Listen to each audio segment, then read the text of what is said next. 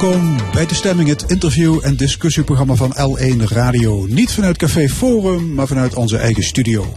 De komende twee uur kunt u uw hart ophalen aan interviews, discussie, opinie en muziek. Dit zijn de gasten in het eerste uur. Christian Hoebe van de GGD over de opmars van het coronavirus. PvdA Tweede Kamerlid Liliane Ploemen over coronamaatregelen en de gezondheidsverschillen tussen mannen en vrouwen. En onze cultuuranalist Cyril Offermans bespreekt het boek Ondergronds en andere culturele tips. Een jaar geleden waren er verkiezingen voor provinciale staten. Wat heeft dat extra parlementaire college ons gebracht? Daarover meer in het tweede uur. Dan ook een column en het panel discussieert over corona en andere actuele zaken. Het grijpt als een veenbrand om zich heen, het coronavirus. Op dit moment zijn in ons land 959 mensen besmet en zijn er 12 uh, mensen gestorven, voornamelijk kwetsbare ouderen. Het kabinet komt vanmiddag bijeen om met medisch specialisten en ziekenhuizen te praten over het eventueel sluiten van scholen in Nederland. Mensen met klachten moeten thuis blijven, grote evenementen zijn afgelast, musea zijn dicht en thuiswerken wordt gestimuleerd. Aan tafel Christian Hoebe. Hij is hoofdinfectieziektebestrijding van de GGD Zuid-Limburg en hoogleraar aan de Universiteit Maastricht. Nederland is een patiënt en die moet behandeld worden, zei deze week premier Rutte. Meneer Hoebe, wat dacht u toen? Uh, ik denk dat het heel goed is dat er uh, heel veel maatregelen meer zijn genomen. En dat heeft alles te maken met dat, het feit dat de GGD uh, in eerste instantie keihard hebben gewerkt om eigenlijk te kijken of ze elke geval van coronavirus konden traceren. En als een detective zeg maar alle ketens achterna zijn kunnen gaan. maar wat we gezien hebben is dat er eigenlijk steeds meer gevallen waren die niet met herleidbare bronnen te maken hadden. Dus dat je niet kon zien waar die eigenlijk vandaan kwamen. En dan moeten we op een gegeven moment constateren dat het feitelijk aan het verspreiden is. Ja, ja want maandag had Rutte het nog over uh, geen handen schudden. En een paar dagen later komt hij op een pakket maatregelen. Wat, wat zou er in de tussentijd zijn gebeurd? Nou, juist dit. Dus dat betekent dat er in feite verspreiding is in de bevolking. Waarbij niet alle gevallen meer getest zijn. We zien nu de cijfers, die worden natuurlijk elke keer genoemd. Maar eigenlijk zijn die cijfers maar uh, het topje van de ijsberg. Uh, het is zo als het virus uh, moet je daarvoor testen. Anders dan weet je niet of je echt besmet bent. Dus alleen maar mensen die getest zijn, dat zie je in de cijfers terug. Maar er zijn nu op dit moment al veel meer mensen die het coronavirus uh, bij zich dragen. Er wordt zware druk op het kabinet uitgeoefend om alle scholen te sluiten. Bent u het daarmee eens? Uh, ik denk dat dat op zich goede argumenten waren waarom we dat tot nu toe nog niet deden. Uh, in feite is het zo dat iedereen in de bevolking heeft evenveel kans om besmet te raken, ook kinderen. Maar wat we weten uit de wetenschap, de wetenschap die er tot nu toe is uit andere landen, dat eigenlijk kinderen nauwelijks ziek worden. Uh, als ze al ziek worden, dan is het uh, één of twee dagen uh, een beetje hangerig ja, dus en Dus heeft het ook geen zin op, alle, op het hele onderwijs plat te leggen? Nou, het heeft heel veel. Het, het, is altijd een balans tussen voor- en nadelen. En eigenlijk lijkt het erop dat, dat de meeste kinderen dus geen symptomen hebben. En dan dus ook niet meedoen aan de verspreiding. Dus op het moment dat je dan de scholen uh, sluit, dan heeft dat niet heel veel effect op de epidemie. Terwijl het wel heel veel grote consequenties kan hebben voor alle ouders. En we hebben juist heel hard nu ouders nodig die in de zorg, bij de politie, in andere vitale functies, bij de GGD, uh, dat die aan het werk uh, blijven. ja, en dat moet dan allemaal anders georganiseerd worden.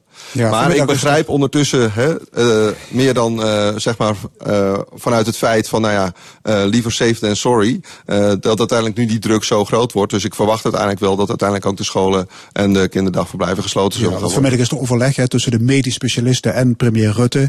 Zal het kabinet overstag gaan? Ik denk het wel. Ja. Ja, ook internationaal hè, was er grote kritiek op Nederland. We zouden te langmoedig zijn geweest. We hebben te weinig stevige maatregelen genomen. Vindt u dat ook? Uh, ik denk dat wij een. Uh, ik ben eigenlijk trots op Nederland dat wij voortdurend maatregelen nemen die echt bijdragen aan uh, het zeg maar waar bijdragen om de verspreiding van het virus te voorkomen. het virus zit in mensen. Dat betekent dat je zoveel mogelijk contacten tussen mensen moet voorkomen. En daar hebben we niet alleen maar de maatregelen bij nodig, maar eigenlijk alle Limburgers en alle Nederlanders om dit voor elkaar te krijgen. We moeten zo min mogelijk contacten hebben in deze tijd. Ja, want en kijk zeker... naar Italië, dan kun je zien wat er gebeurt als zo'n virus zich razendsnel verspreidt. Hè? Dat klopt. En uh, het, het, eigenlijk is het feit op dit moment zo, we kunnen het virus niet stoppen, we kunnen het alleen maar afremmen. Eén persoon uh, besmet tussen de één en vijf andere mensen. En wat we met deze maatregelen kunnen doen en zorgen dat iedereen uh, zich aan die maatregelen houdt, dat dat heel veel minder wordt. Dus dan wordt het ja. misschien maar één persoon die één persoon besmet en ja. niet vijf. U zegt, we kunnen het niet stoppen.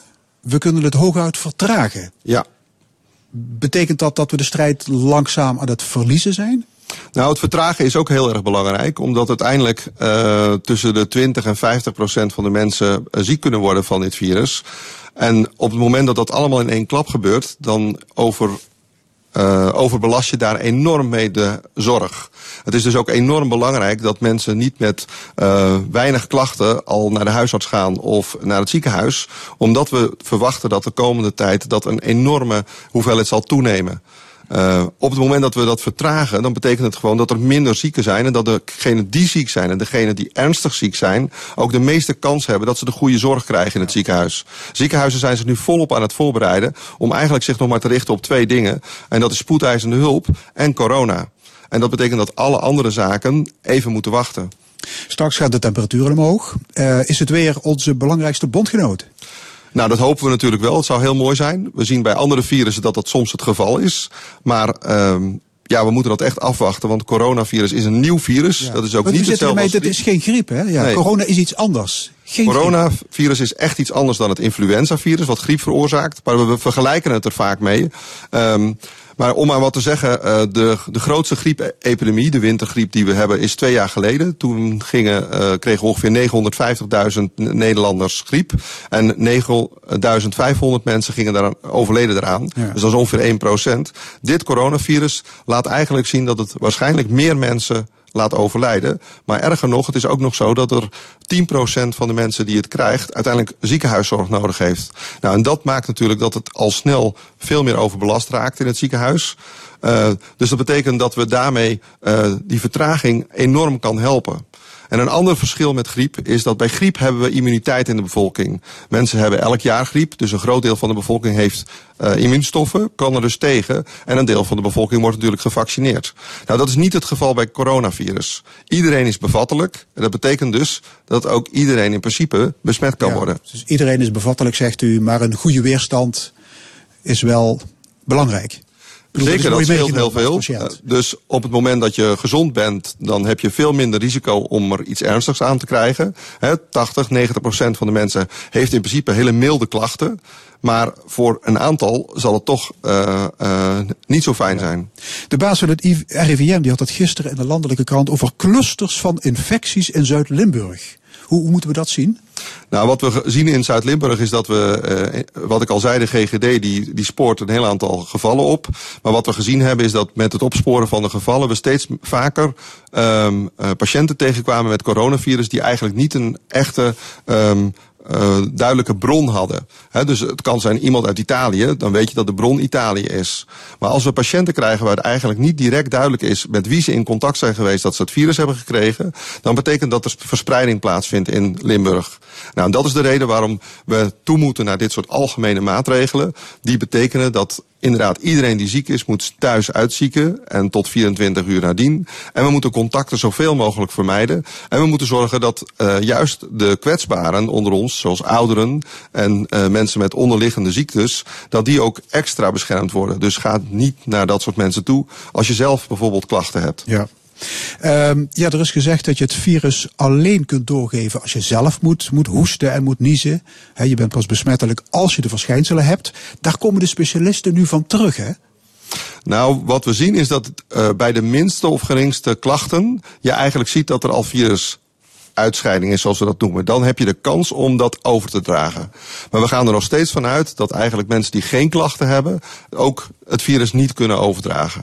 Of als het al zo is, dat het een hele kleine rol speelt in de verspreiding. En dat is ook waarom eigenlijk elke maatregel steeds weer gericht is op hoe op het grootste effect op vermindering van verspreiding, om die epidemie te vertragen. Ja, en de ene keer lees je dat ja, 80% van de patiënten milde klachten heeft en na een week weer, weer beter is. Dan ja. lees je weer over mensen met een zware longontsteking en dat het virus zware schade, zware schade aanricht aan het lichaam.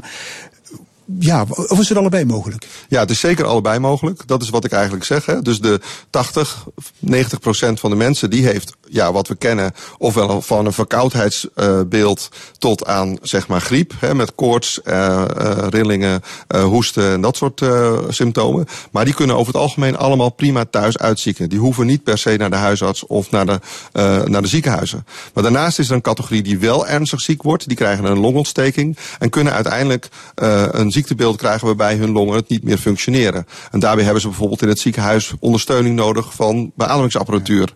Nou, als heel veel mensen natuurlijk dit nodig gaan hebben in het ziekenhuis, ja, het ziekenhuis heeft maar een beperkte capaciteit aan beademingsapparatuur. Nou, dat is hetgeen waar we nu uh, naartoe gaan. Ja.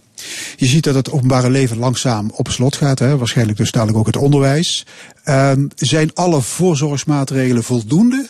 Of zegt u er is eigenlijk nog veel meer grof geschut nodig? Nou, het kan wel zijn dat we misschien toch nog meer moeten benadrukken dat we echt alle soorten contacten die niet noodzakelijk zijn, moeten voorkomen. Uh, dus sociale er is. Nu, sociale contacten ja. moeten echt tot het absolute minimum worden beperkt. Eigenlijk is het zo, het virus zit in mensen, dus het is alleen maar te verspreiden via andere mensen. Nou, als we dat kunnen reduceren, dan doorbreken we al die ketens. En dat is eigenlijk, alle maatregelen moeten daarop gericht zijn. Zou je dan toch cafés, restaurants, uh, zou je dat ook allemaal moeten gaan sluiten? Uh, ik denk dat we daar wel naartoe gaan, ja. En dat allemaal dankzij een smerige vismarkt in Wuhan, in China. Hè? Het is de vraag, uh, dat is inderdaad het goede verhaal daarover. Het is de vraag of hoe het nou precies in de Chinese bevolking is uh, gegaan. Daar zijn redelijk wat speculaties over. We weten wel dat het uit de uh, dierenwereld komt. Het is een, een virus wat aan vleermuizen verwant is.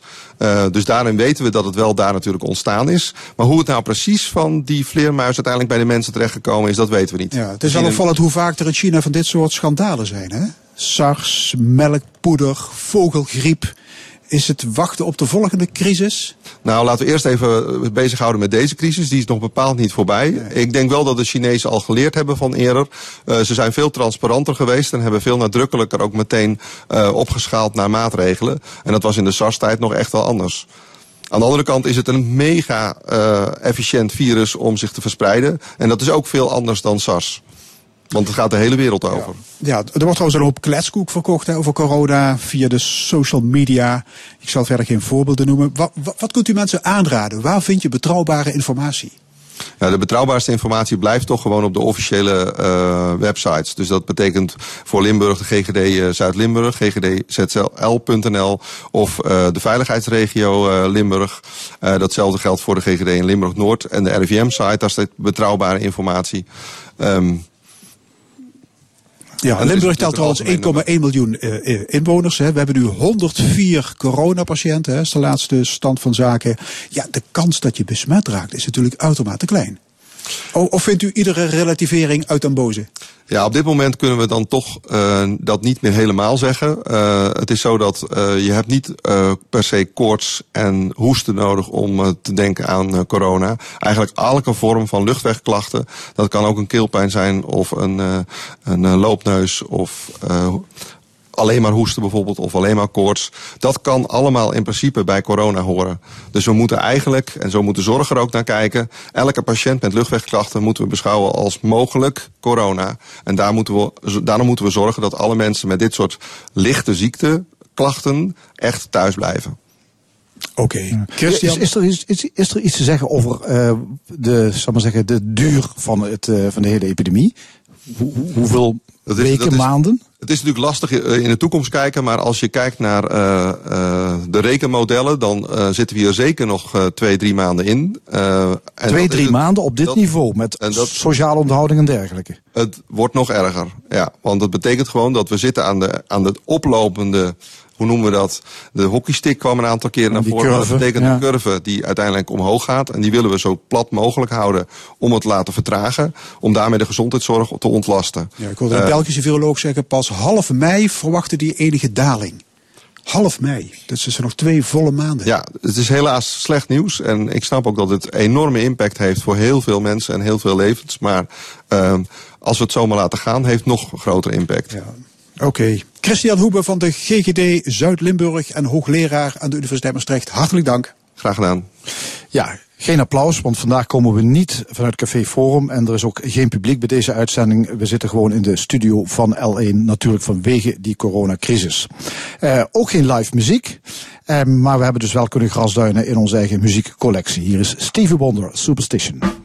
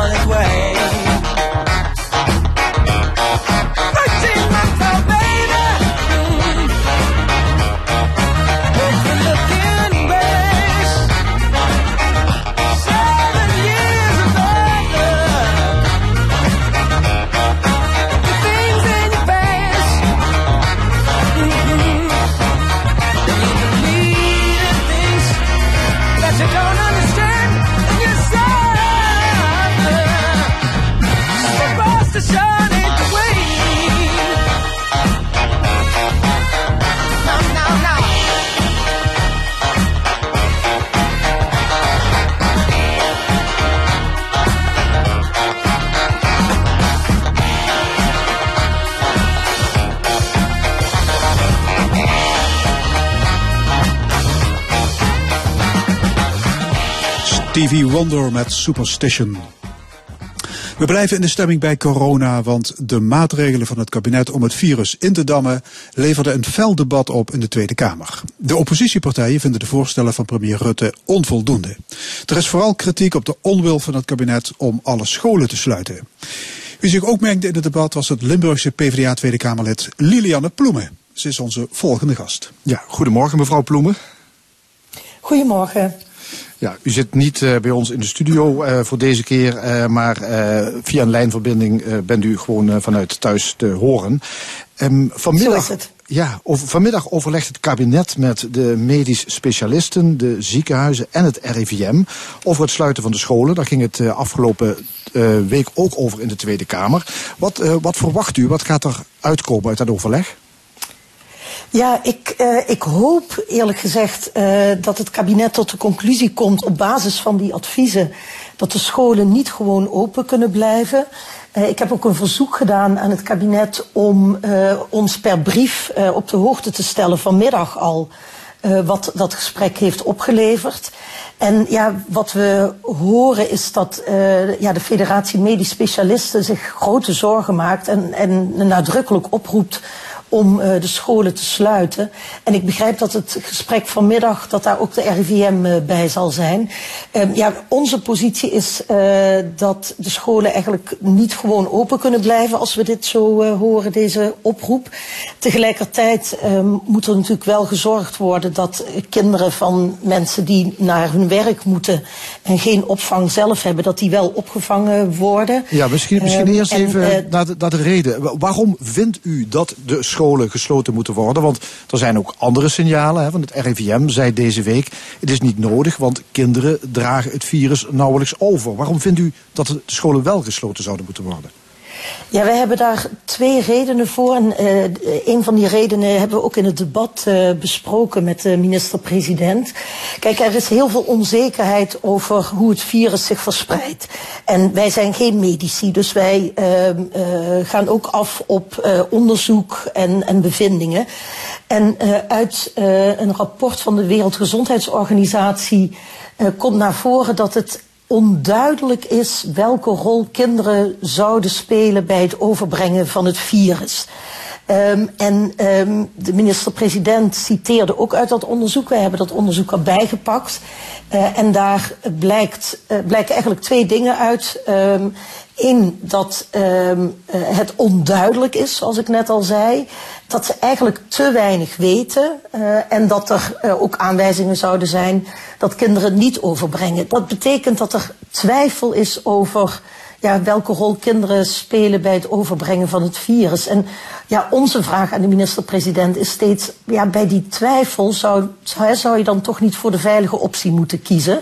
Je kiest dan uh, zeker dus voor het onzekere. Ja, precies. En uh, daar komt bij uh, dat nu dus die oproep van de Federatie Medisch Specialisten daar nadrukkelijk uh, om vraagt. En tegelijkertijd, en die afweging die, die moet natuurlijk gemaakt worden, is het een ingrijpende maatregel. Ja, want hoe? want, kinderen want krijgen geen onderwijs. Ja, ja, want een van de redenen om de scholen open te laten was dat ouders op die manier in de gelegenheid zouden zijn om gewoon naar hun werk te gaan. En met name mensen in de zorg, politie werd dan opgewezen. Hoe ga je dat probleem oplossen als je alle scholen per direct zou sluiten morgen?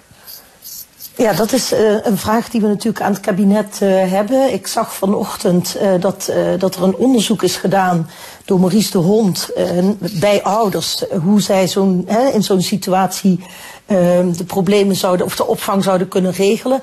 En uit dat onderzoek blijkt dat uh, eh, 20% van de ouders echt ja, problemen zouden hebben met die opvang. Dus ja, dat gaan wij natuurlijk zeker aan het kabinet vragen. Mocht er besloten worden om de scholen te sluiten, ja, op welke manier ouders die naar hun werk moeten en zelf geen opvang kunnen regelen, hoe die tegemoet gekomen kunnen worden. Dus ik hoop van harte dat het kabinet ja, mocht ze die maatregel nemen, ook hiervoor met een oplossing uh, zal komen. Dus, um, in, in, België, in, België, is daar een oplossing voor gevonden. Daar zijn scholen weliswaar gesloten. Maar kunnen ouders die ja, geen andere uitweg zien, hun kinderen toch naar school brengen en dan worden ze opgevangen. Is dat een mogelijkheid? Ja, wij hebben ook uh, verwezen inderdaad uh, naar België en Noorwegen. Die nemen gelijke maatregelen. Dat zou zeker een uh, optie kunnen zijn. Ja. Um, in de Tweede Kamer was er nogal wat discussie. En er, werd, er was al een motie van de PVV om de scholen te sluiten afgelopen week. Waarom heeft u die niet ondersteund?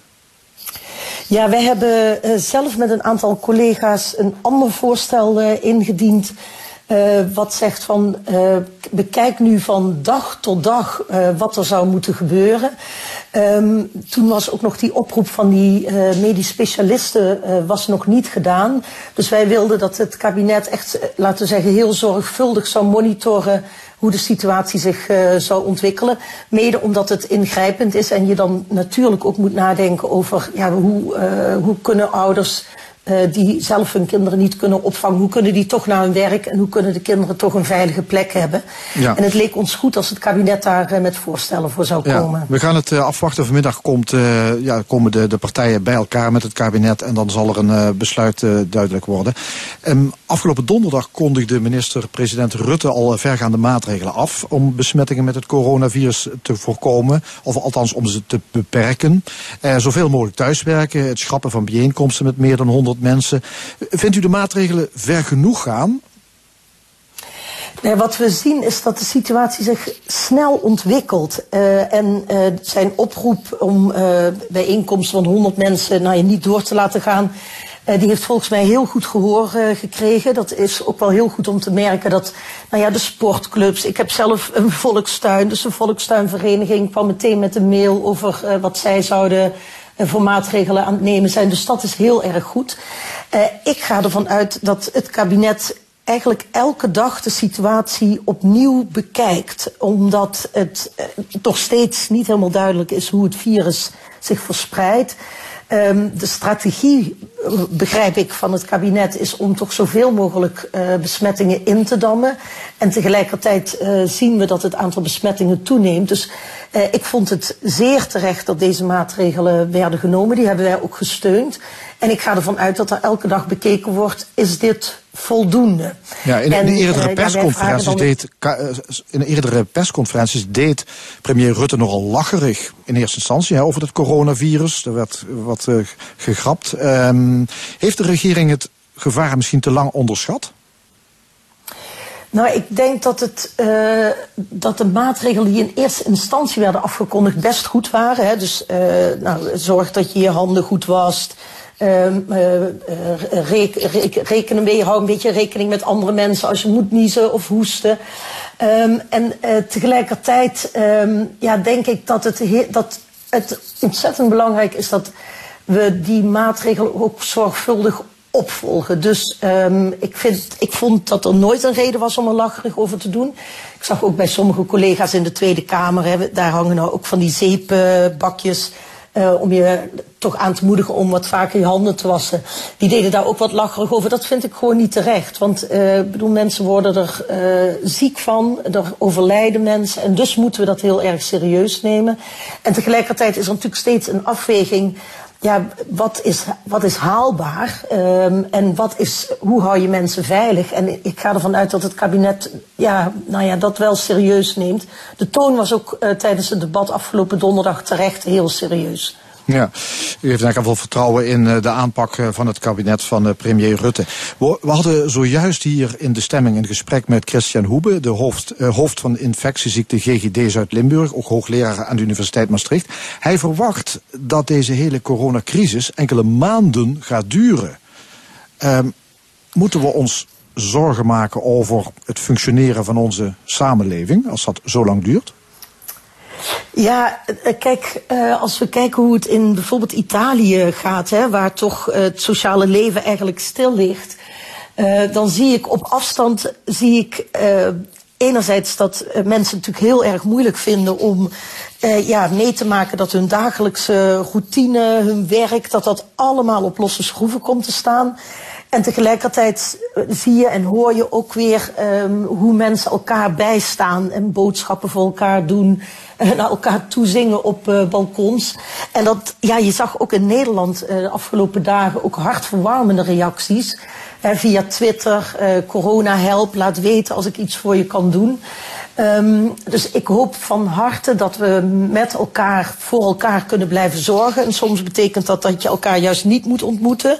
Um, maar dat we ook zeker voor mensen die alleen zijn, mensen die kwetsbaar zijn, dat we wel blijven zoeken naar manieren om hen bij te staan. Zowel sociaal, we hebben gelukkig uh, de mobiele telefoon, we kunnen skypen. Ehm, maar dat we ook voor elkaar boodschappen doen als dat uh, nodig is. En ik hoop ook van harte dat mensen ophouden met uh, te hamsteren, want dat is echt niet nodig. Ja, um, heel veel bedrijven en ook ZZP'ers die gaan grote schade ondervinden. Gewoon, er is dadelijk geen werk meer, dus geen inkomsten. Hoe kunnen we voorkomen dat dit economisch een ramp wordt? Wat zou de rol van het kabinet van de overheid moeten zijn? Ja, het kabinet moet echt met een uh, noodpakket komen. Daar vragen wij eerlijk gezegd ook al uh, een aantal de afgelopen weken al uh, om. Um, juist uh, mensen bijvoorbeeld, ja, de horeca wordt hard getroffen. Mensen met nul uren contracten, ja, die zijn nu al afgebeld, om het zo maar te zeggen, uh, om te werken dit weekend. Uh, dus er moet echt wel een, een noodpakket komen. Niet alleen maar met oog voor de grote bedrijven, maar juist ook voor het midden- en kleinbedrijf. minister Hoekstra was donderdagochtend nog niet echt van plan om, om daarmee te komen. Maar gelukkig uh, is hij tot inzicht uh, gekomen. Dus eerst werd een voorstel van ons ja, afgestemd eigenlijk. Maar gelukkig is dat donderdagavond bij het debat van de minister-president aangenomen. En ik ga ervan uit dat het kabinet bereid is om vergaande maatregelen te nemen. Ze hebben heel veel, steeds, ze hebben er steeds aandacht voor gevraagd dat de staatsschuld omlaag moest. Dat vonden wij al, moet ik eerlijk zeggen, onder deze omstandigheden niet echt nodig. Je kunt beter investeren in de salaris van onderwijzers en verpleegkundigen en politieagenten. Uh, en zeker nu moet het kabinet over de brug komen met, uh, ja, met maatregelen zoals deeltijd, WW, en et cetera. Ja, en die staatsschuld, dat moet dan maar even naar de achtergrond. Er moet nu gewoon geld komen om um, ZZP'ers overeind te houden. Ja, ik denk dat er heel gericht gekeken moet worden uh, binnen welke sectoren uh, hulp nodig is. Uh, ja, en dan zie je, je hoeft maar om je heen te kijken, in, inderdaad de horeca, de restaurants, maar ook kappers. Heel veel kleinere bedrijven worden nu al hard geraakt. Ja. Is er in Den Haag een sfeer van allemaal gezamenlijk de schouders eronder? Verbleekt het verschil tussen oppositie en coalitie uh, misschien met, met deze dagen? Hoewel we wel een fel debat zagen, maar merkt u iets van het is een crisis, we moeten er dus allemaal gezamenlijk tegenaan?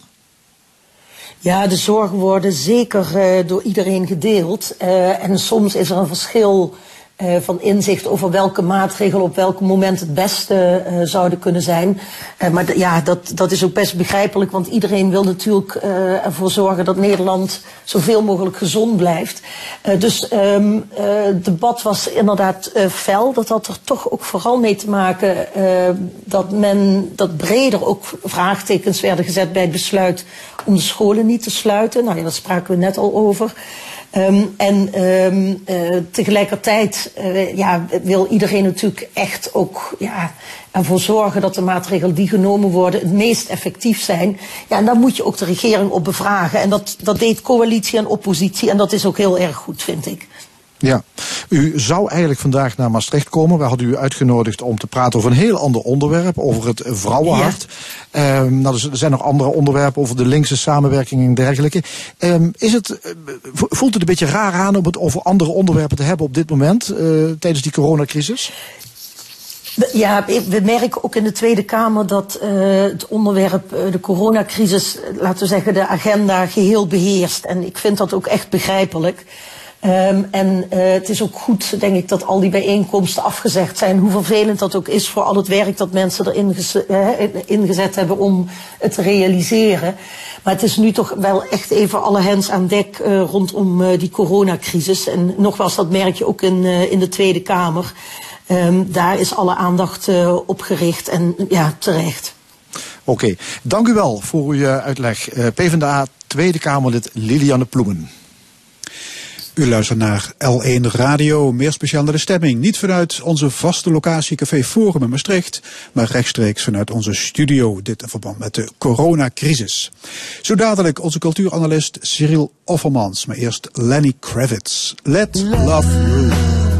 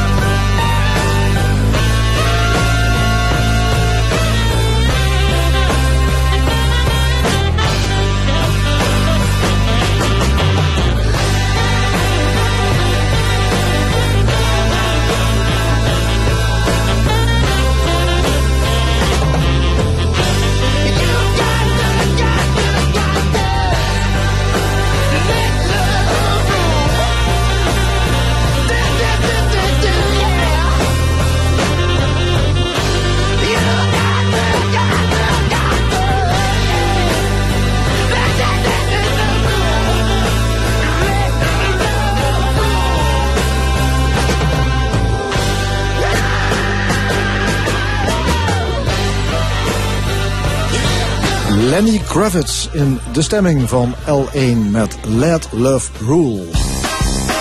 De analist. Vandaag cultuuranalist Cyril Offermans. Cyril, welkom.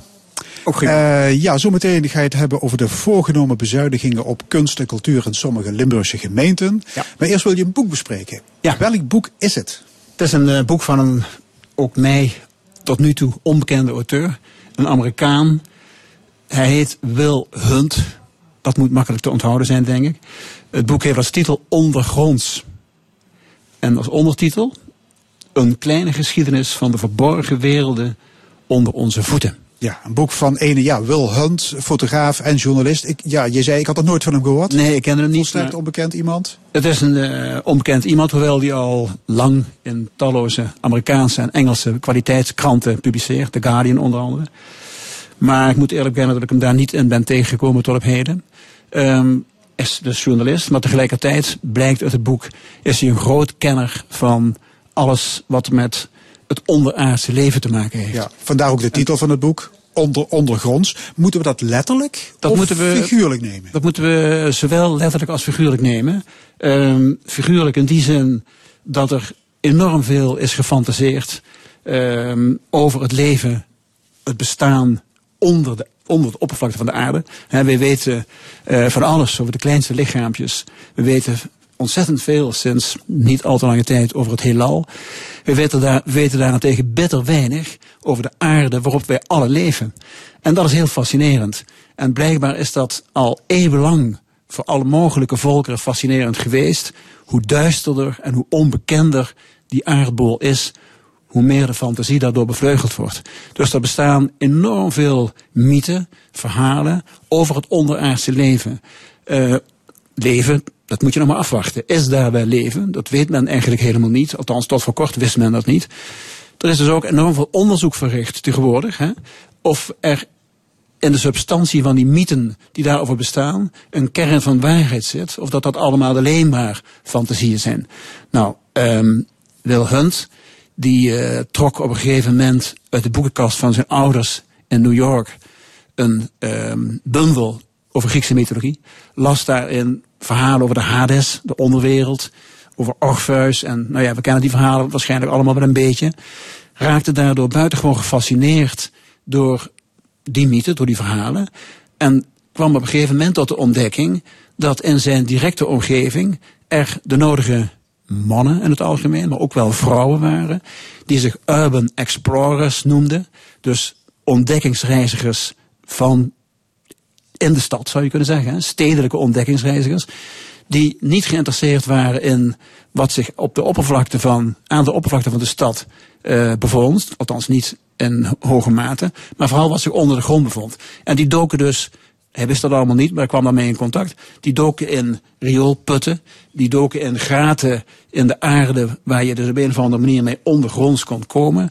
En hij raakte nog meer geïnteresseerd in wat zich er allemaal afspeelde.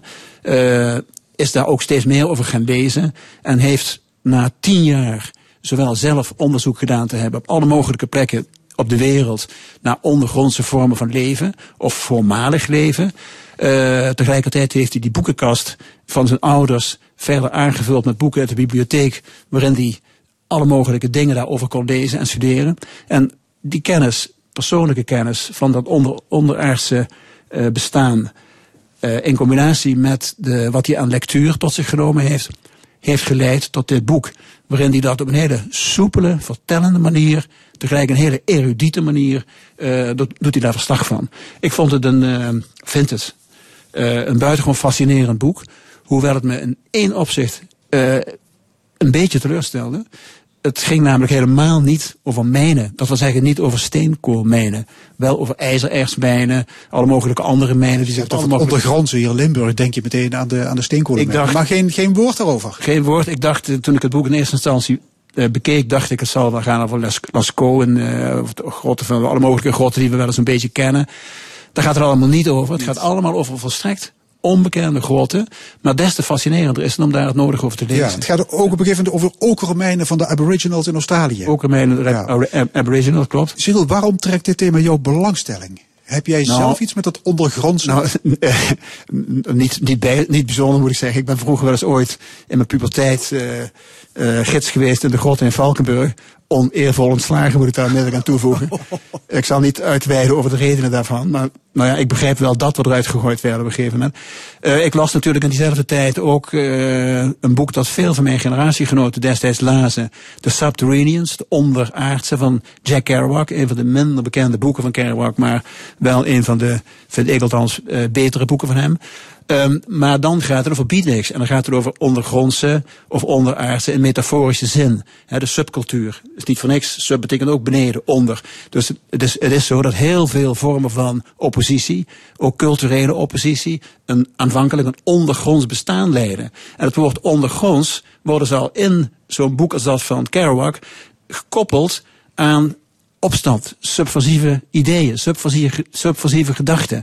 En dat is eigenlijk in de loop van de geschiedenis altijd zo geweest. Dat er onderaards eh, dingen plaatsvinden die het daglicht misschien zelfs niet kunnen velen. Die iets oppositioneels in zich hebben. En die daarom de, de, eh, gefasci- een fascinatie uitoefenen op avontuurlijke geesten. En op mensen die op een of andere manier iets anders willen dan wat zich bovengronds afspeelt.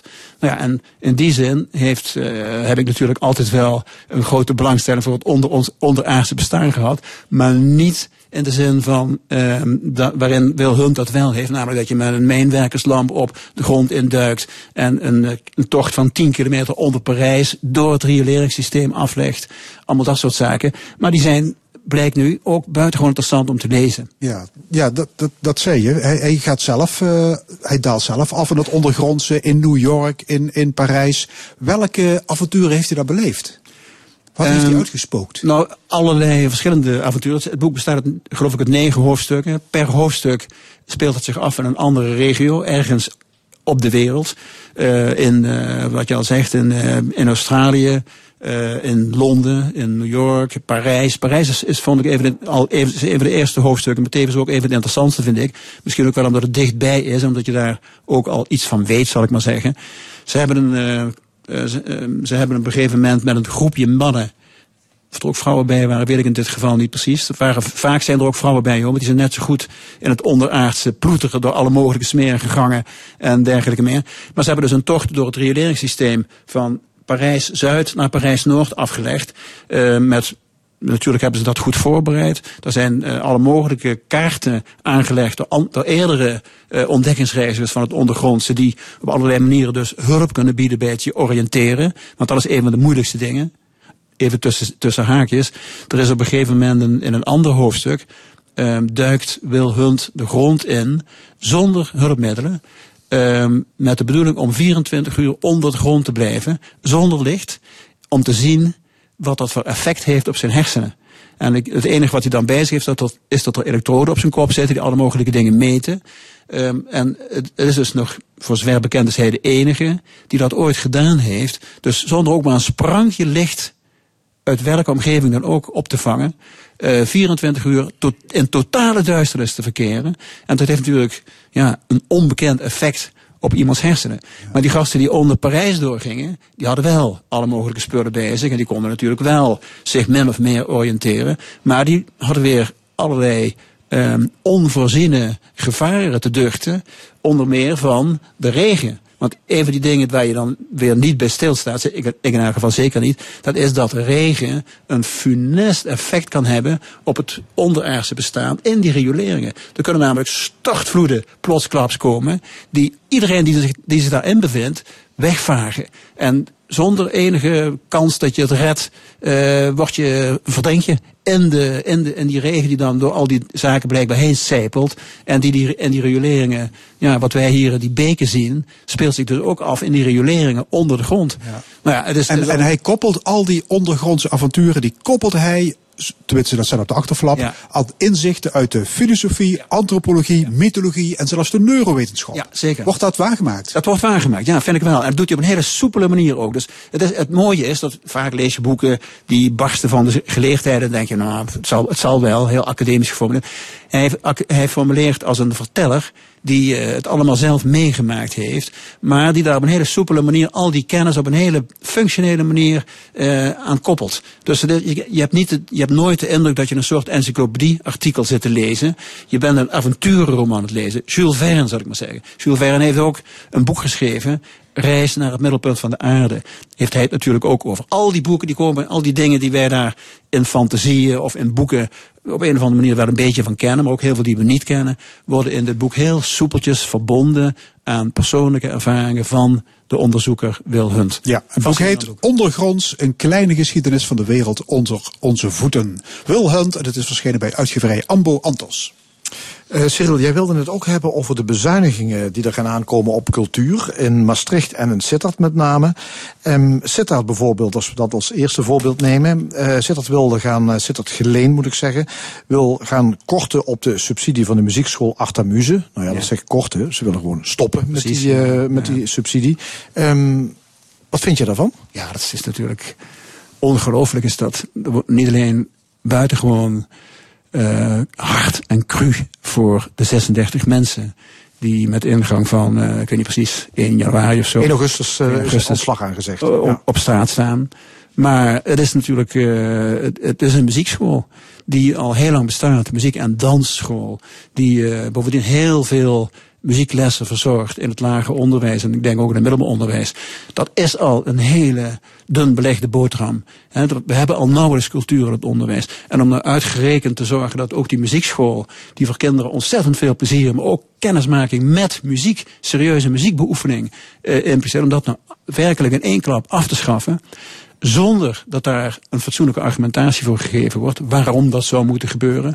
En in elk geval zonder enig historisch besef van het belang van cultuur voor de opgroeiende jeugd en voor de mensen in het algemeen. Zeker in deze tijden hè, waarin we allemaal gedwongen zijn thuis te zitten, is het toch heel wat als mensen eh, leren of niet alleen leren, maar met groot, eigenlijk zo'n zo'n zo'n ehm, zo'n crisis, zo'n viruscrisis die we nu meemaken. Eh, om daar de zonzijde van te zien, die ook bestaat. Want je hebt namelijk ineens een enorme hoop tijd thuis, waarin je in boeken kunt storten, waarin je naar muziek kunt luisteren. Ik, ik zie dat wel als een, het is natuurlijk buitengewoon treurig. We moeten vooral niet geen relativerende geluiden laten horen over de ellende die het ook aanricht. Maar tegelijkertijd is er de mogelijkheid om je in belangwekkende producten van de beschaving te verdiepen, waar heel veel mensen nooit aan toekomen, omdat ze geen tijd hebben, er niet in zijn opgevoed enzovoort. Dat is één ding. Ja, maar Sittard Geleen zegt, ehm, we gaan het op een andere manier aanpakken. Eh, niet meer met die traditionele muziekschool. We gaan makelaars Ja, eh, dat gaan we aanstellen. En die gaan bemiddelen tussen iemand die muziekles wil hebben en iemand die muziekles gaat geven. Ja, ach, dat is allemaal flauwekul natuurlijk. Hè. Dat, dat betekent- alleen maar een commercialisering. En, en dan- daar, reik je natuurlijk het grootste deel van de kinderen helemaal niet mee. Dat zijn, dat zijn kletsverhalen. Daar moeten we ons verder niet eh mee inlaten, vind ik. Jij denkt niet dat, dat je dat muziekonderwijs op een goede, andere manier eh, kan Niet vormgeven op die dan manier dat je met, met allerlei types aan komt zetten die dat. Nee, natuurlijk niet. Dat moet gewoon door de overheid moet dat geregeld worden. Er moet subsidie komen vanuit de gemeente. En dat moet een structureel aspect hebben. Dat moet niet selectief te werk gaan. Dat alleen de kindertjes die toch al thuis pianoles krijgen van hun moeder. eh, dat, dat op, op hun manier horen. Dat moet iedereen horen. Iedereen moet. moet Want, want, er komen bepaalde kinderen, zeg jij, komen dan niet meer in aan me- raking met muziek. Nee, natuurlijk, zo gaat het toch. Hè? Ik bedoel, met, wel met muziek, maar alleen met commerciële muziek, die ze toch al de hele dag horen. Maar het, Het zijn alleen de hoger opgeleiden die dan misschien Net wel... zoals, net zoals we nooit van die onderaardse wereld iets afweten. En, en pas op het moment dat je, je daarin, dat je daarin duikt, dat je leert hoe interessant dat is. Zo moet je ook met muziek, klassieke muziek, andersoortige muziek in contact komen. Maar en ik wil dus met name ook nog even op Maastricht ingaan. Dat, Ja, want Maastricht, eh, die, die hebben ook eh grootse plannen, zou ik bijna zeggen. Om, eh, Grootse hele- afbraakplannen Ja, vooral. grootse afbraakplannen. Om een hele serie culturele instellingen en festivals om eh, daar fors op te gaan bezuinigen. Ik noem een paar. eh Musica Sacra, hè, dat is een eh, religieus eh, festival, muziekfestival. eh, Bureau Europa, Intro in Cito. En ik vergeet er nog een paar, maar zijn Jazz hele Maastricht. Jazz Maastricht. Ja. Die willen ze allemaal behoorlijk gaan korten. Wat gaat dat betekenen voor het culturele klimaat in Maastricht? Nou, heel veel. Kijk, ehm, ik, ik, hoorde, ik hoorde dat eh, voor het eerst dat Musica Sacra, waar ik zelf eh, een, een enthousiast bezoeker van ben eh, en heel veel waardering van heb. Ik hoorde van Jacques Giezen, die eh, hoofd is van de programmacommissie van Musica Sacra. Eh ik las het ook natuurlijk in de krant vervolgens. Ehm, en ehm, eh, ik vroeg me af met welke argumentatie dat eigenlijk gebeurde dat blijkt, dat blijkt eigenlijk geen enkele argumentatie aan de grondslag te liggen. Er is geen enkele duidelijk, duidelijke reden geformuleerd waarom nou bij, bij, bij uitstek dit soort culturele, hoogwaardige culturele eh, evenementen en instellingen de klos zouden moeten zijn. Ehm, je kunt alleen maar vermoeden dat het al dan niet bewust iets te maken heeft met het feit dat het om professionele kunst gaat. En om kunst, dus, dus namelijk in alle gevallen gaat het om experimentele, eh, avontuurlijke, eh, hoogwaardige kunst. Musica Sacra is een, is een evenement dat al eh Maar mensen... wat, wat zeg jij nou? Het, het, het- omdat het om kunst gaat, hoogwaardige kunst, daarom zou erop gekocht Nou, gaan dat- worden? dat, zeg je Dat dat? is natuurlijk niet wat zij zeggen. Eh, maar ze zullen waarschijnlijk zeggen dat ze te weinig geld genereren, te weinig opbrengsten hebben, te weinig mensen bereiken. Wat je nog maar moest een keer, een keer zou moeten uitzoeken. Het is gewoon niet commercieel genoeg. Het is niet commercieel commercieel genoeg natuurlijk. Hè. Maar ze vergeten dat Maastricht al een eeuwenoude culturele... tri- Maastricht is een, cultu een, een cultuurstad. Ze hebben notabene een aantal jaren geleden geprobeerd... Europese cultureel hoofdstad van... of weet het, eh, culturele hoofdstad van Europa te worden. Ze hebben dit jaar geprobeerd en ontzettend veel geld vrijgemaakt... om het Songfestival te organiseren. Moet je nagaan dat ze dat wel willen faciliteren... maar dat ze de kunst, en het Songfestival, daar zal iedereen het over eens zijn, neem ik aan, is een vorm van amusement. Aan mij verder niet besteed, maar ik vind het prima dat men zich maar amuseert daarmee. Maar het is amusement, het heeft met muziek eigenlijk geen bal te maken. Ehm, en tegelijkertijd wordt musica sacra, hoogwaardige muziek met een traditie van je welste, wordt de nek omgedraaid. Dat zou toch eigenlijk niet moeten kunnen. En daarom roep ik bij deze ook de Maastrichtse Raad, die daar het laatste woord in heeft, op om daar heel snel een streep door te trekken. Dankjewel, Cyril Offermans. Tot zover dit eerste uur van de stemming. Zometeen na nieuws en reclame een ronde tafelgesprek over één jaar na de verkiezingen van Provinciale Staten. Een column van Nina Bokken en het discussiepanel. Blijf luisteren, tot zometeen. In Baaskracht laten we opnames horen van enkele Cecilia-verenigingen. Fanfare Sint Cecilia Schinnen met het concoursoptreden van 2018 en het WMC-concert van 1997. Verder uitvoeringen van Harmonie Sint Cecilia Geulen, Harmonie Sint Cecilia Blerik en Fanfare Sint Cecilia Schimmert. Dat in Blaaskrachtconcert vanavond van 7 tot 9 op L1 Radio. Heeft u thuis nog een oude energieverslindende wasmachine of droger? Stap dan snel over op een nieuw energiezuinig model en bespaar honderden euro's op uw energierekening. Ruil nu uw oude apparaat in bij EP Tummers en u ontvangt tot wel 200 euro inruilkorting. EP Tummers. Enthousiast, gastvrij en betrouwbaar. De nummer 1 in betrouwbaarheid komt met iets nieuws. Nu 5 jaar garantie en 5 jaar gratis onderhoud op je nieuwe Toyota. Hoe lekker is dat? Ga snel naar toyota.nl. Dat is de power van Toyota. Nu bij Blokker. Alles voor het voorjaar. Lijfheid Pegasus droogrekken vanaf 34,99. En een Brabantia flat top prullenbak voor 59 euro. Kom naar de winkel of kijk op blokker.nl. Blokker heeft het in huis. Alleen nog deze maand. 5 jaar garantie en 5 jaar gratis onderhoud op je nieuwe Toyota. En bespaar tot 1800 euro. Ga snel naar toyota.nl. Een Brabantia flat top voor 59 euro. Blokker heeft het in huis. Caldi viert feest. Gratis koffie ter waarde van 120 euro bij aankoop van een Jura koffiemachine. Ga naar een Caldi bij jou in de buurt of kijk op caldi.nl. Dit is L1 met het nieuws van 12 uur. Jelle Visser met het NOS-journaal. Het kabinet houdt vandaag spoedberaad met het RIVM en de Federatie van Medisch Specialisten. Die organisatie deed gisteren een oproep om alle scholen te sluiten. Verwacht wordt dat het kabinet eraan gehoor zal geven en dat vanaf morgen de scholen dicht zijn. Eerder zeiden het kabinet en het RIVM dat de scholen open konden blijven... omdat kinderen het coronavirus minder snel zouden verspreiden. Maar volgens de medisch specialisten is dat een onderschatting van de urgentie van de zaak. De Nederlandse verenigingen van strafrechtadvocaten willen dat alle rechtbanken en gerechtshoven tot 1 april hun deuren sluiten vanwege het virus. Ook vinden ze dat de politie alleen verdachten moet aanhouden als het gaat om zeer serieuze feiten. De arrestatie en het verhoor van verdachten van minder zware zaken willen de strafrechtadvocaten uitstellen. Ze vinden het gezondheidsrisico voor politie, OM, rechtbankmedewerkers en advocatuur te groot om hen in dezelfde ruimte te laten. De Britse regering wil dat mensen ouder dan 70 maximaal vier maanden in quarantaine gaan. Op die manier wil de regering van premier Johnson het virus beteugelen. Het plan moet de komende weken vorm krijgen. We weten dat het veel gevraagd is aan onze ouderen en kwetsbaren, maar het is voor hun eigen bescherming, al dus de Britse minister van Volksgezondheid. Bijeenkomsten met veel mensen worden in Groot-Brittannië verboden. In België zijn er de afgelopen dag bijna 200 nieuwe besmettingen bijgekomen. Het totaal staat daar nu op bijna 900 zieken. Tot nu toe zijn er vier mensen overleden aan het virus. Ze waren allemaal ouder dan 70 jaar. En dan ander nieuws. In een politiecel in Zwolle is gisteren een man van 40 overleden. De man zat vast omdat hij bezoekers van een supermarkt had lastiggevallen. Tijdens een aanhouding werd de man onwel en werd hij gecontroleerd door ambulancepersoneel. In het Zwolse cellencomplex werd hij opnieuw onwel. Reanimatie mocht niet meer baten. De Rijksrecherche doet onderzoek, zoals gebruikelijk wanneer een arrestant overlijdt. Het weer, het is bewolkt, maar droog. Het wordt 12 tot lokaal 14 graden. Ook morgen en dinsdag is het droog. De zon schijnt vaker en het blijft vrij zacht. Dit was het NOS Journaal. Door de Nederlandse kluis kan ik met een gerust gevoel van huis. De Nederlandse kluis? Ja, de Nederlandse kluis. Een bankluis huurt u veilig en vertrouwd bij de Nederlandse kluis. Nettorama. Nettorama is de aller, allergoedkoopste supermarkt van Nederland. Maar het kan nog goedkoper. Profiteer van meer halen, minder betalen. 10% extra kassakorting op meer dan 2000 merkartikelen bij aankoop van twee of drie stuks.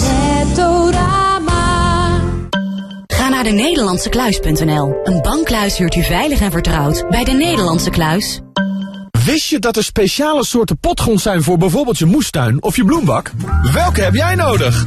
Kom naar de Welkoop Potgrond Tiendaagse en wij zorgen ervoor dat je planten alles krijgen wat ze nodig hebben. Welkoop, verstand van tuin en dier en potgrond. Bij Hyundai denken we altijd vooruit. Zo biedt de Kona Hybrid het beste van twee werelden. Minimaal verbruik en maximaal rijplezier. En met een trekkracht van maar liefst 1300 kilo is deze SUV uniek in zijn klasse. Kom langs en profiteer nu van 1250 euro try and buy bonus. Kom verder, Hyundai. Je vindt ons bij Welling Sittard. Nu op heel veel soorten welkoop potgrond. 2 plus 1 gratis.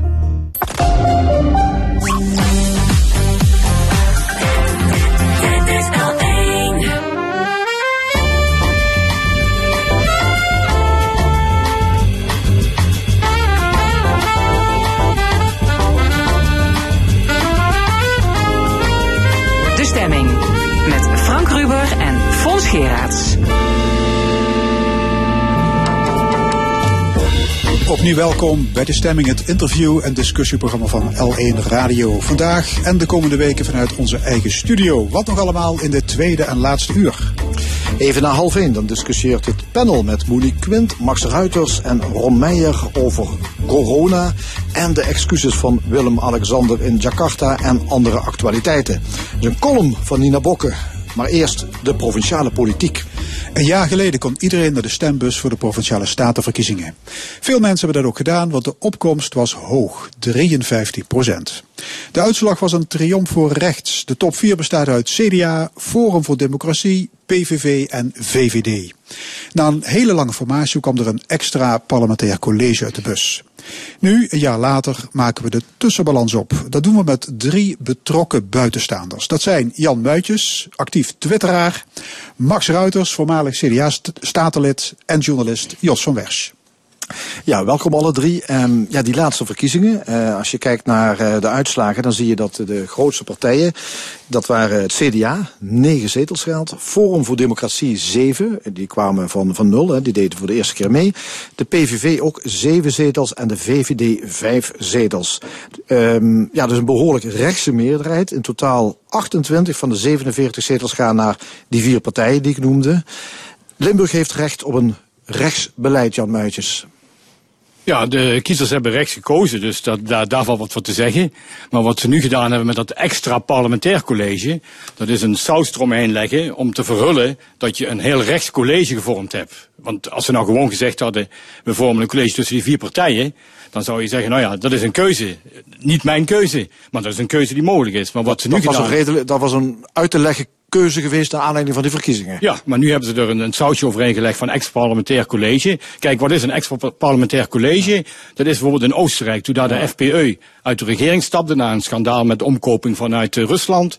Toen heeft men daar een aantal deskundigen uit de wetenschap, uit instituten, eh, hoge ambtenaren, heeft men gezocht om een regering te vormen. En die deed dan vanuit dat deskundige college dat was een extra parlementair eh, kabinet, deed voorstellen aan het parlement en probeerde daar meerderheden voor te krijgen. Wat hier gebeurd is, is gewoon de vier lijsttrekkers van de vier partijen die net genoemd werden, CDA, VVD, Forum en eh, PVV, die zijn in het college gaan zitten. En die hebben er twee mensen bijgezocht die dan die saus van ex-parlementair eraan moeten geven. Ja, ik wil over het ex-parlementair willen het zo meteen over hebben. Maar misschien toch even kijken naar die, die verkiezingen, die, eh, ja, die, die rechtse uitslag. Eh, Max Ruiters, eh, is, ja, kun mag je dat zeggen? Dus Limburg heeft recht op een rechtsbeleid? Nee, vind ik niet.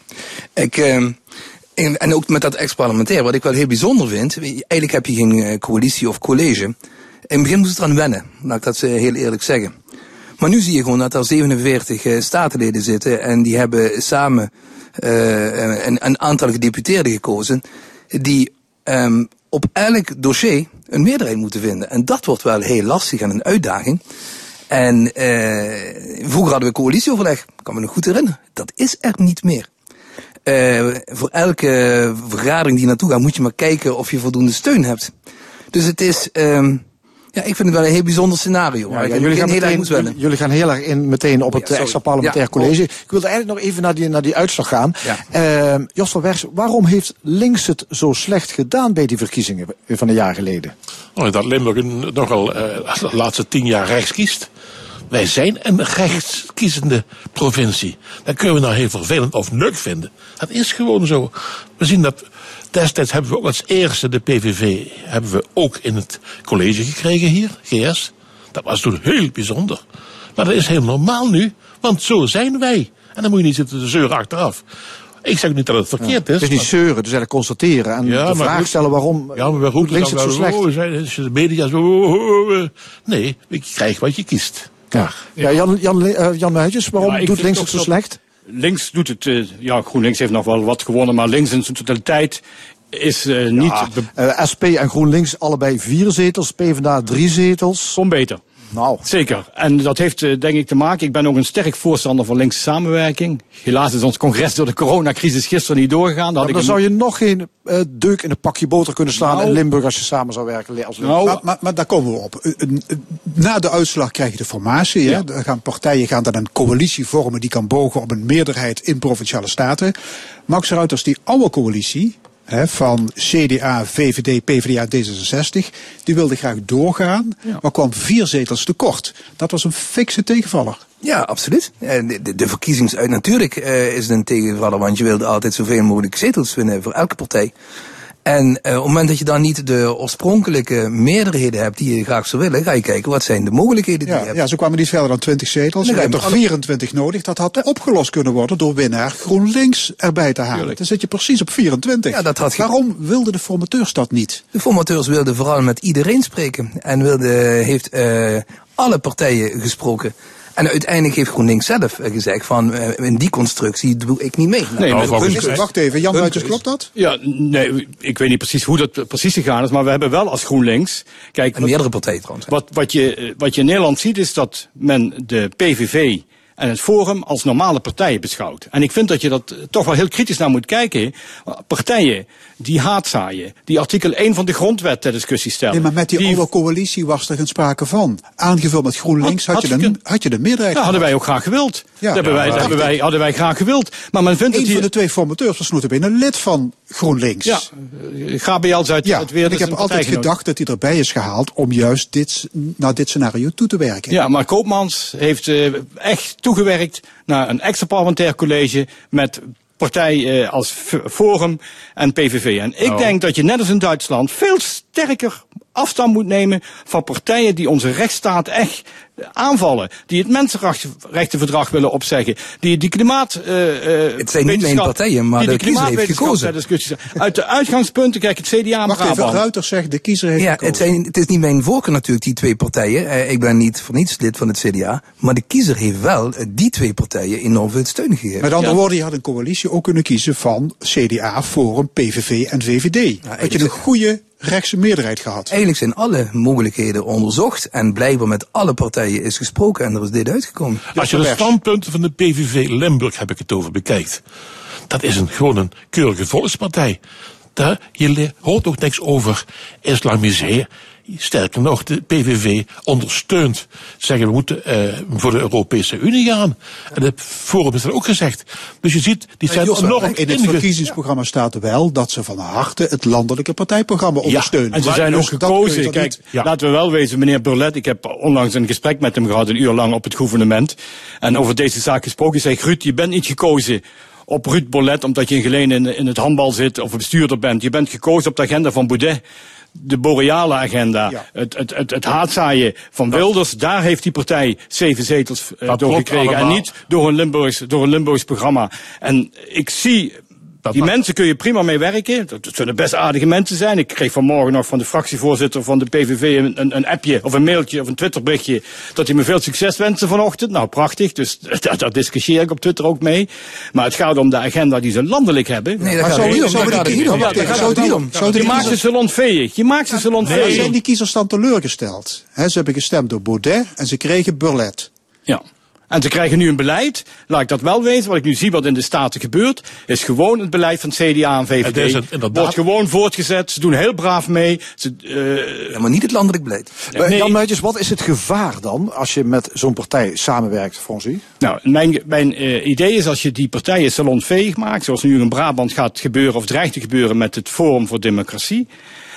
Ik vind dat mevrouw Merkel in Duitsland het heel goed zegt. Als je vanuit je eigen waarden re- redeneert, vanuit je eigen gedachtegoed, van solidariteit, rentmeesterschap en al die waarden die ook de christendemocratie van oudsher heeft. Als je die centraal stelt, dan kun je niet met partijen gaan besturen en aan de macht helpen die die rechtsstaat ondermijnen, die de wetenschap eh, aanvallen, die instituten als het RIVM of het KNMI voor gek verklaren, die... eh, Je kunt, Jan, er zijn twee verschillende PVV's. En er zijn ook Nou, dat twee forums. Als je de standpunt, ik heb ze voor me liggen hier, van de PVV Limburg hebt, dat is gewoon keurig. Daar is geen woord verkeerd bij. Dan kun je bij GroenLinks zomaar één op één vertalen. Na het CDA toe. Ik heb ze hier Nou, ik, zag, ik zag net de statenvragen van de PVV over de asielzoekers. Daar schrok ik toch van. Ja, maar... Massa-immigratie, er komen al die termen weer naar voren. Wat gebeurt er? Sta- Koopmans heeft met mevrouw Strauss acht punt, standpunten van tevoren samengevoegd. En gezegd, hier moet je aan houden. Dat was zijn grote kracht. En als je dat niet wil, doe je niet mee. Nou, we hadden te maken met zeer gretige gedeputeerden, kandidaatgedeputeerden, die allemaal ontzettend graag wilden. Ja, en dat hebben ze ook gedaan. En nu houden ze zich keurig aan die voorwaarden die Koopmans trouwens heb ik geformuleerd. Dus als er wat stront aan de knikker komt, excuseer de mo, het wordt zo opgelost, want niemand wil die stoel kwijt. Mag ik nog iets toevoegen? Ik ben benieuwd Max Ruiters, oud-statenlid, Ja. CDA. Als je kijkt, eh, er is een college, er zijn uitgangspunten. Ik heb ze hier voor me ge- eh, geformuleerd voor de collegeperiode. En dat is door alle partijen, ook GroenLinks, ook Forum, door alle partijen is dat onderschreven. Van op deze uitgangspunten gaan wij de komende periode Limburg eh, vertegenwoordigen. Nou, de SP heeft op twee punten even een voorbehoud gemaakt, twee inhoudelijke punten. Maar op het totaalplaatje, eh, ook GroenLinks, iedereen, alle en dat is denk ik het allerbelangrijkste, alle elf partijen werken samen. Muitjes? Ja, die uitgangspunten, daar, eh, daar, zal, daar zal ik, eh, als, van- vanuit GroenLinks heb ik daar geen kritiek op. Ja, maar Dit alleen ook dat- mee met die ja, punten en de onderschrijven PVV die- ook. Die onderschrijven die punten, maar als je ze gewoon ziet in de dagelijkse praktijk wat ze doen in de landelijke politiek. en we hebben het over Limburg. Ja, we hebben het maar dat straalt wel uit. Kijk, als je ze hier aan de macht laat komen, als ze dadelijk in Brabant gedeputeerden hebben, dan voorspel ik je, als we dat niet afgrendelen, dat Maar dan dat noemen ze een normaal- voorbeeld. Waar is dat fout gegaan dan? Ja. Jan, als Dan- jouw dan- vroegere collega, jouw vroegere collega, mevrouw Carla Brugman, de rugrecht gaat gehouden, ja, dan hebben we een heel andere situatie. Ik lees een week, vier weken geleden een verhaal in Trouw, interview. Dat is niet geland hier in Limburg. Dat zegt mevrouw Brugman. Ik zit niet in een college met de PVV en Forum, maar in een zakencollege. Die ook lid zijn van de PVV, eh, van de, van de partij, toevallig. Ze zegt, Dus ik heb toevallig. helemaal niets met, tegen die mensen. Ik ben het wel oneens met hun beelden en hun idealen. Citaat Carla Brugman. Had die mevrouw, die nu gewaardeerd is door jullie partij, gezegd, Terecht. dit doe ik niet, dan hadden we dat waren in ieder geval niet gebeurd wat nu gebeurd is. Nee, ze was veel te, ze was veel te, ze wilde veel te graag bestuurder worden. Op de avond van de verkiezingen hier in de L1-studio bleek dat wel heel duidelijk. Die gretigheid, zeg Die gretigheid om bestuurder te worden. En ik heb met Carla jaren goed kunnen samenwerken. Maar wat ze daar gedaan heeft om in een college te gaan zitten met die twee partijen. Zonder overleg met GroenLinks. Zonder goedkeuring van de fractie. Ja, dat geeft een beeld dadelijk naar de kiezer toe. Dan zit er een bestuurder van GroenLinks. In een, eh, in een college wat GroenLinks helemaal niet wil. Ja, het gaat dat dus om een extra parlementair college. Hè. Zo, zo wordt dat genoemd. Je zit daarin niet op basis van partijlidmaatschap, maar op basis van draagvlak en deskundigheid. Ja, maar dan hadden ze toch vier of vijf eh, wetenschappers of ambtenaren die op bepaalde treinen deskundig zijn. Ja, of als die meneer die... waren, dat Ja, want de zeven gedeputeerden die zijn nu lid van PVV, Forum, CDA. VVD, GroenLinks en een lokale partij. Maar daarom is het ook Zijn de lijsttrekkers van die is vier dat partijen. extra parlementair, Ja, ik, vind dat extra parlementair. Zeker Ja, als Max nou- toch, kom toch Nee, nu. ik vind het is dat- niet meer dan dat. Nee, Ja. ik vind het extra... Een rookgordijn. Nee, als je kijkt van hoe het tot stand gekomen is. Ja, dan denk ik van op een gegeven moment, wat ik zei in het begin al, liefst had ik natuurlijk de coalitie gehad van vier jaar geleden. Hoe merk je dan in de praktijk dat het extra parlementair is? En dat merk je, Geen oppositie toch niet, nul. nee, maar ook geen coalitie. En je merkt namelijk, Nou, aan- kijk, Nou, dat noem je niet zo. kijk bij het luchthavendebat. is een dat belangrijk... vind ik interessant, maar ik ga even terug op de vraag van hoe merk je dat? Eh, je merkt het met name dat het vertragend is. Dat vind ik trouwens een groot nadeel van het ex-parlementair college. Want elk voorstel wat het college heeft, dat gaat dan naar de volledige staten. Die gaan er iets van vinden. Dan gaat het weer terug. Dan wordt er over gedebatteerd. Dan gaat het weer naar een commissie. Het werkt wel vertragend. Dat is het enige nadeel. Van de andere kant, het voordeel is dat je een enorme betrokkenheid hebt. En een gedragen stuk. Ik heb hier een, een samenvatting van eh, belangrijke stukken. Die heb ik eens opgezocht op het internet. Nou, als je ziet wat, eh, wat er allemaal besloten wordt en met steun van ze allemaal. Kijk even naar. Maar, maar zijn er dan voorbeelden dat er ehm, besluiten worden genomen eh, die er niet doorheen zouden komen als dit een coalitie zou zijn? Nou, ik weet niet of het er niet doorheen was gekomen, maar je krijgt nog wel veel bredere steun. Koop- Koopman zei zelf, dit is het meest sterke, stabiele eh, college dat we ooit hebben gehad voor de komende vier jaar. En dat klopt helemaal. Hier gaat niks gebeuren. Dit is ontzettend saai eigenlijk. Het gaat precies zoals we het voorspeld hebben. zijn de één kiezer jaar- al lang afgehakt, die snappen niets meer van. Maar we kunnen die vier jaar gewoon zonder problemen uitzetten. Mis- misschien moeten we een paar voorbeelden nemen. We- Maastricht Aken Ja, ook Airport, dat viel al. Airport. Eh, dat is een, een, een voorbeeld van een, eh, een onderwerp dat natuurlijk al eh, decennia lang op de politieke agenda staat. Ehm, er- er wordt onderzoek gedaan naar eh, de toekomstmogelijkheden van dat vliegveld. Ehm, er was een eh, motie van eh, GroenLinks en Partij voor de Dieren om ook door te rekenen wat de sluiting van Maastricht Aken Airport zou betekenen. Dat kwam er niet doorheen. Nee, dan zag je Hoe bij, kan dat? Bij het debat over de luchthaven, bij het debat over de luchthaven zag je precies dat de agenda van CDA en VVD door Forum en eh, PVV klakkeloos werd opgevolgd. Van der Akker wilde geen MKBA, die ook de variant... MKBA, dat, dat is die, dat die maatschappelijke kostenbaatanalyse, Ja. waar ook de sluitingsvariant in onderzocht zou worden. En wat zag je? Eerst was Forum in de commissie daar nog voor.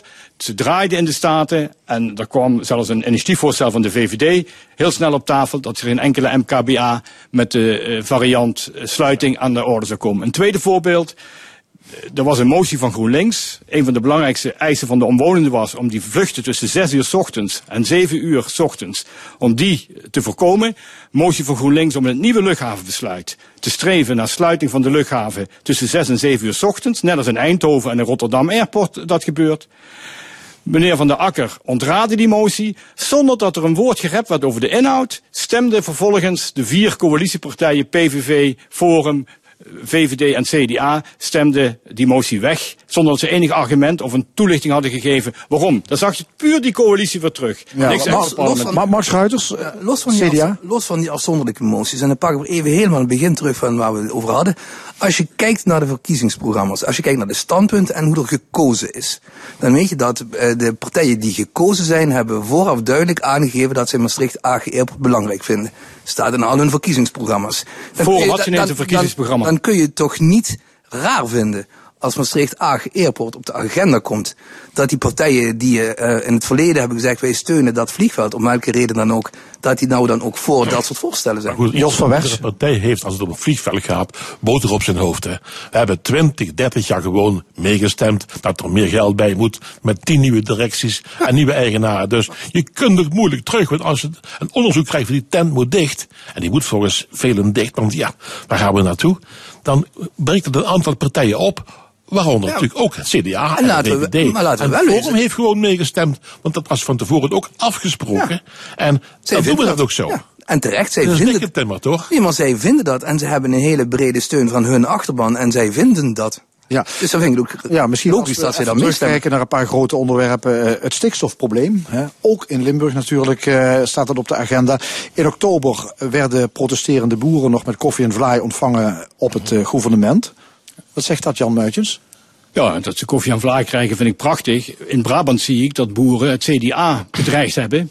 En dat is een van de redenen waarom het CDA in Brabant uit de coalitie is gestapt. En eh, daar gaat nu een coalitie komen met Forum. En dan zal dat stikstofprobleem op tafel komen volgens de agenda waarschijnlijk van, eh, van het Forum.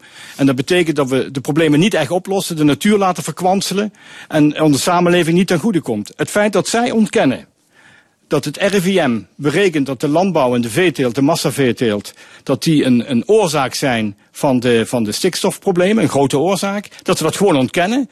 Dat geeft aan dat die partijen geen vertrouwen hebben in de wetenschap. Jan, maar wat ik jammer vind. eh, nee, ik Max zeg, Ruiters, CDA. Ik zeg Jan, ik ken, Prima. ik ken jullie via Twitter trouwens. Het is de eerste keer dat we elkaar ontmoeten.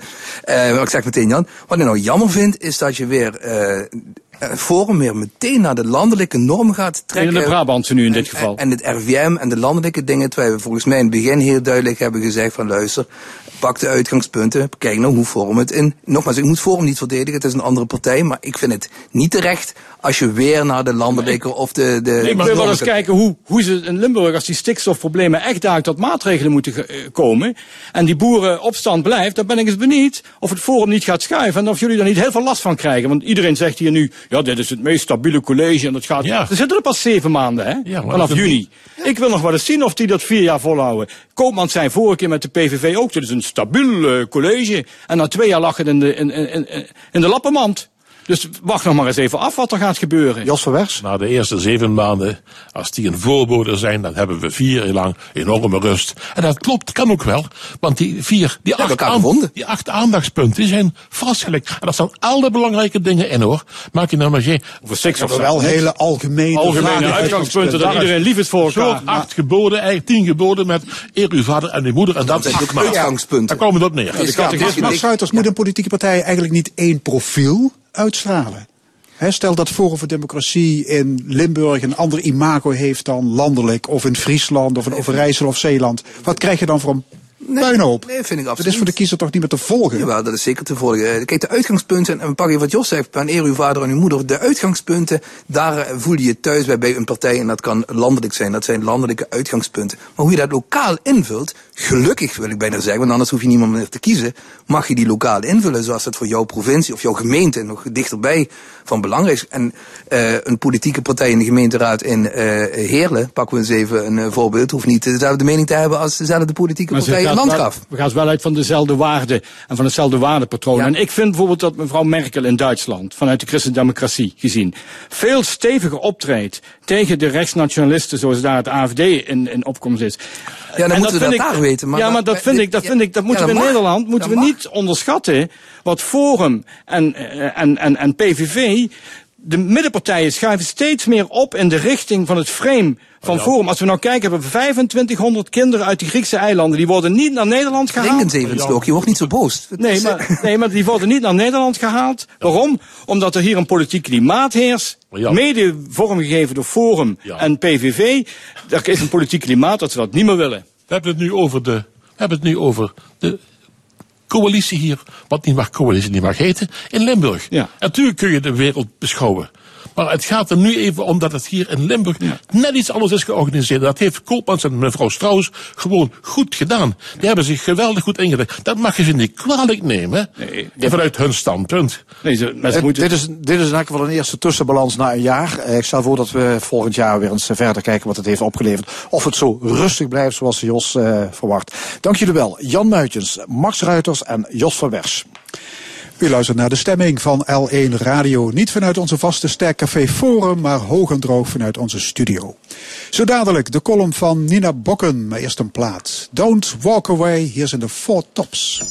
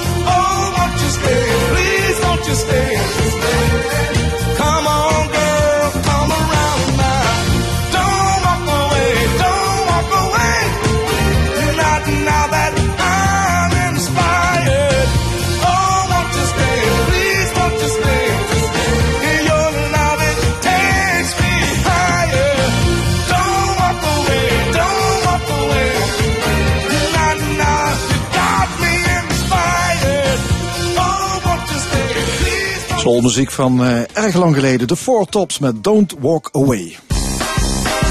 De column. Vandaag met Nina Bokken.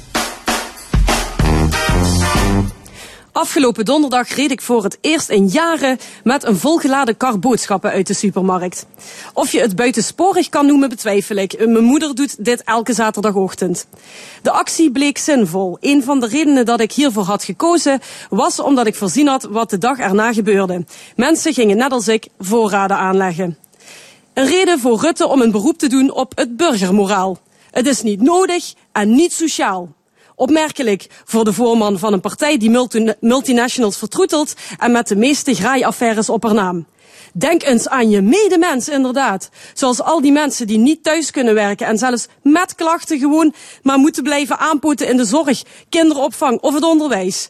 Die in staat van ontroering moeten worden gebracht door een schouderklopje van de minister-president in plaats van een flinke salarisverhoging, waar ze al jaren op zitten te wachten. Niet alleen de premier hief het vingertje, ook burgers lieten een sterk staaltje morele superioriteit klinken. Regelmatig degenen die zelf hun schaapjes op het droge hebben. En dezelfde mensen die doorgaans geen moeite hebben met het aanschaffen van spullen die in andere landen leiden tot ziekte of dood van andere wereldburgers. Zoals telefoons, accu's, spijkerbroeken, thee van Unilever, producten waar palmolie in zit, avocado's en sportkleding. Maar pas als we zien dat het wc-papier op is in de supermarkt, komt de moraalridder in ons naar boven. Het enige verschil is dat het leegkopen van de supermarkt onze banaliteit opzichtiger blootlegt. Dan schamen we ons plots voor hoe de mens in elkaar zit. Ons brein is er vanuit de evolutie op ingericht om bij de dreiging van schaarste spullen in te slaan. Dat is niet netjes, maar wel menselijk. Op die momenten richt je brein zich op de eigen overleving en die van je directe naaste. Sommige mensen ervaren die prikkel eerder dan anderen. Wanneer je sociaal-economische positie niet al te best is, zal je eerder schaarste ervaren. Er bestaat uitgebreid onderzoek over de invloed van schaarstegevoel op de mens. Het leidt tot aantoonbare veranderingen in de hersenen. Zo neemt je stresslevel toe, maak je andere keuzes en neemt de korte termijn focus het over van de lange termijn. Zelfs wanneer in die lange termijn dingen liggen die je eigenlijk belangrijker vindt. Dat is onderdeel van je overlevingsmechanisme. Opvallend genoeg zijn er bedrijven, instanties en bestuurders waarvoor dit chronisch geldt, maar dat even terzijde. Afgezien daarvan kun je je afvragen wat asocialer is. Eén keer naar de winkel voor veel spullen of vaak naar de winkel voor weinig spullen. Vaker naar de winkel betekent dat je met meer verschillende mensen in contact komt dan wanneer je één keer gaat. Mits je normale afstand houdt tot elkaar, brengt dat laatste minder risico mee. En stel je voor, je wordt nu ziek. Met een goede voorraad kun je zonder problemen twee weken in quarantaine zonder contact aan te gaan met anderen. Wees je er ook van- bewust dat je de persoonlijke situatie niet kent van mensen die grootschalig inslaan. Gierigheid hoeft niet altijd de reden te zijn. Misschien zitten er wel mensen tussen uit de zorg, het onderwijs, mensen met dierbaren die kwetsbaar zijn of burgers die voor anderen boodschappen gaan doen. Want laten we niet vergeten, dat gebeurt ook. Crisis haalt niet alleen het slechtste naar boven in mensen, ook het beste. Laten we dus wat rekening houden met elkaar in de winkel en tegelijkertijd terughoudend zijn met veroordelingen. Bevoorrading gaat trouwens gewoon door. Maar voor wie toch bang is, de bloemenbranche zit door de gesloten grenzen met een overschot. We kunnen dus altijd nog aan de bloembollen. De column van Nina Bokke. En u luistert naar L1 met De Stemming. Vandaag niet vanuit Café Forum, maar vanuit de studio van L1. En we zijn toe aan het discussiepanel. Drie oud, eh, drie oud politici bespreken in het oog springende actualiteiten. Hier aan tafel Monique Quint van de Partij van de Arbeid, Ron Meijer van de SP en Max Ruiters van het CDA. Maar ze spreken allemaal op persoonlijke titel. Ja, het zal geen verbazing wekken dat we nogmaals de corona-uitbraak aan de orde stellen. Eh, de persconferentie van premier Rutte van donderdag. Wat vinden jullie van het pakket maatregelen dat is afgekondigd? Ron Meijer? Nou ja, je ziet al eh, dat al heel snel eh, niet alleen gewone mensen vraagtekens zetten bij het niet sluiten van de scholen, maar ook al binnen de kortste keren ehm, eh, deskundigen. En vandaag of gisteren eh, de medische specialisten eens bovenop. En ik denk dat dat onhoudbaar zal blijken te zijn. Vooral ook omdat de ons omringende landen al langer en al veel eerder veel drastischere maatregelen, maatregelen hebben genomen. Ik denk dat Maar het dat ziet er nou uit dat denk ik morgen alle scholen dicht gaan. ja, klopt. Dat kan niet, maar dat kan niet missen. binnen drie dagen, nadat het kabinet heel stellig zei dat dat niet nodig was, eh, ja, daar mag je wel vraagtekens bij stellen. Want het is niet alsof we per postdive eh, vanuit eh, China en Italië ja, pas net konden weten dat dit alles vraagtekens? Wat, wat, wat Nou ja, of die, niet al op, al, of die niet al veel eerder gesloten hadden moeten worden. Die kinderen, gelukkig kunnen kinderen er kennelijk minder ziek van worden. Ik ben geen deskundige, ik weet het niet, maar ik haal alleen maar wat de medische specialisten zeggen. Maar wel too, too little, too late? Ja, dat kan je wel zeggen. Eh, wat mij vooral zorgen baarde toen ik naar hem zat te luisteren, was dat ik geen woord hoorde over het feit dat er onder andere in de provincie Limburg sprake is van hele lange landsgrenzen. En dat je eh, bij je beleid, wat je in Den Haag met de specialisten eh, van allerhande soorten van disciplines, toch ook moet kijken naar wat gebeurt er een paar meter verderop. Daar waar eh, andere maatregelen worden genomen. En de scholen was natuurlijk gelijk een opvallend voorbeeld. Maar er waren nog een paar voorbeelden die echt ertoe leiden dat je je achter je oor krabde en dacht: waarom is er niet? De Benelux wordt regelmatig van stal gehaald als een element waar je nog wat mee kan. Eh, dat, dat kende ik niet terug. Eh, maar Noord-Rijn-Westfalen ontbrak ook in het verhaal. En toen dacht ik: dat moet toch niet zo ingewikkeld zijn om in Den Haag daar contact mee te leggen als je dit soort beleid gaat formuleren. Ja. Ja, ik vond het verontrustend. Ja, wat ik vooral verontrustend vind, is de verwarring. Eh, en tweeledig. En de ene, tegelijkertijd geeft Macron een persconferentie en die zegt: kinderen zijn heel erg eh, gevaarlijk. Nee, niet gevaarlijk, maar eh, besmettelijk om het over te dragen. En tegelijkertijd zegt Rutte: nou nee, juist de kinderen die, zijn, die, dragen niet over. En ik ben het rond eens, ik ben geen specialist erin, maar dat is al heel raar. Het tweede, ik heb twee kinderen, 11 en 15 jaar. Eh, zit op de middelbare school. De oudste daar, eh, die blijft gewoon open. Daar zit je met 1500 leerlingen in één gebouw. Maar de hockeywedstrijd, waar ze met 22 kinderen op een veld staan.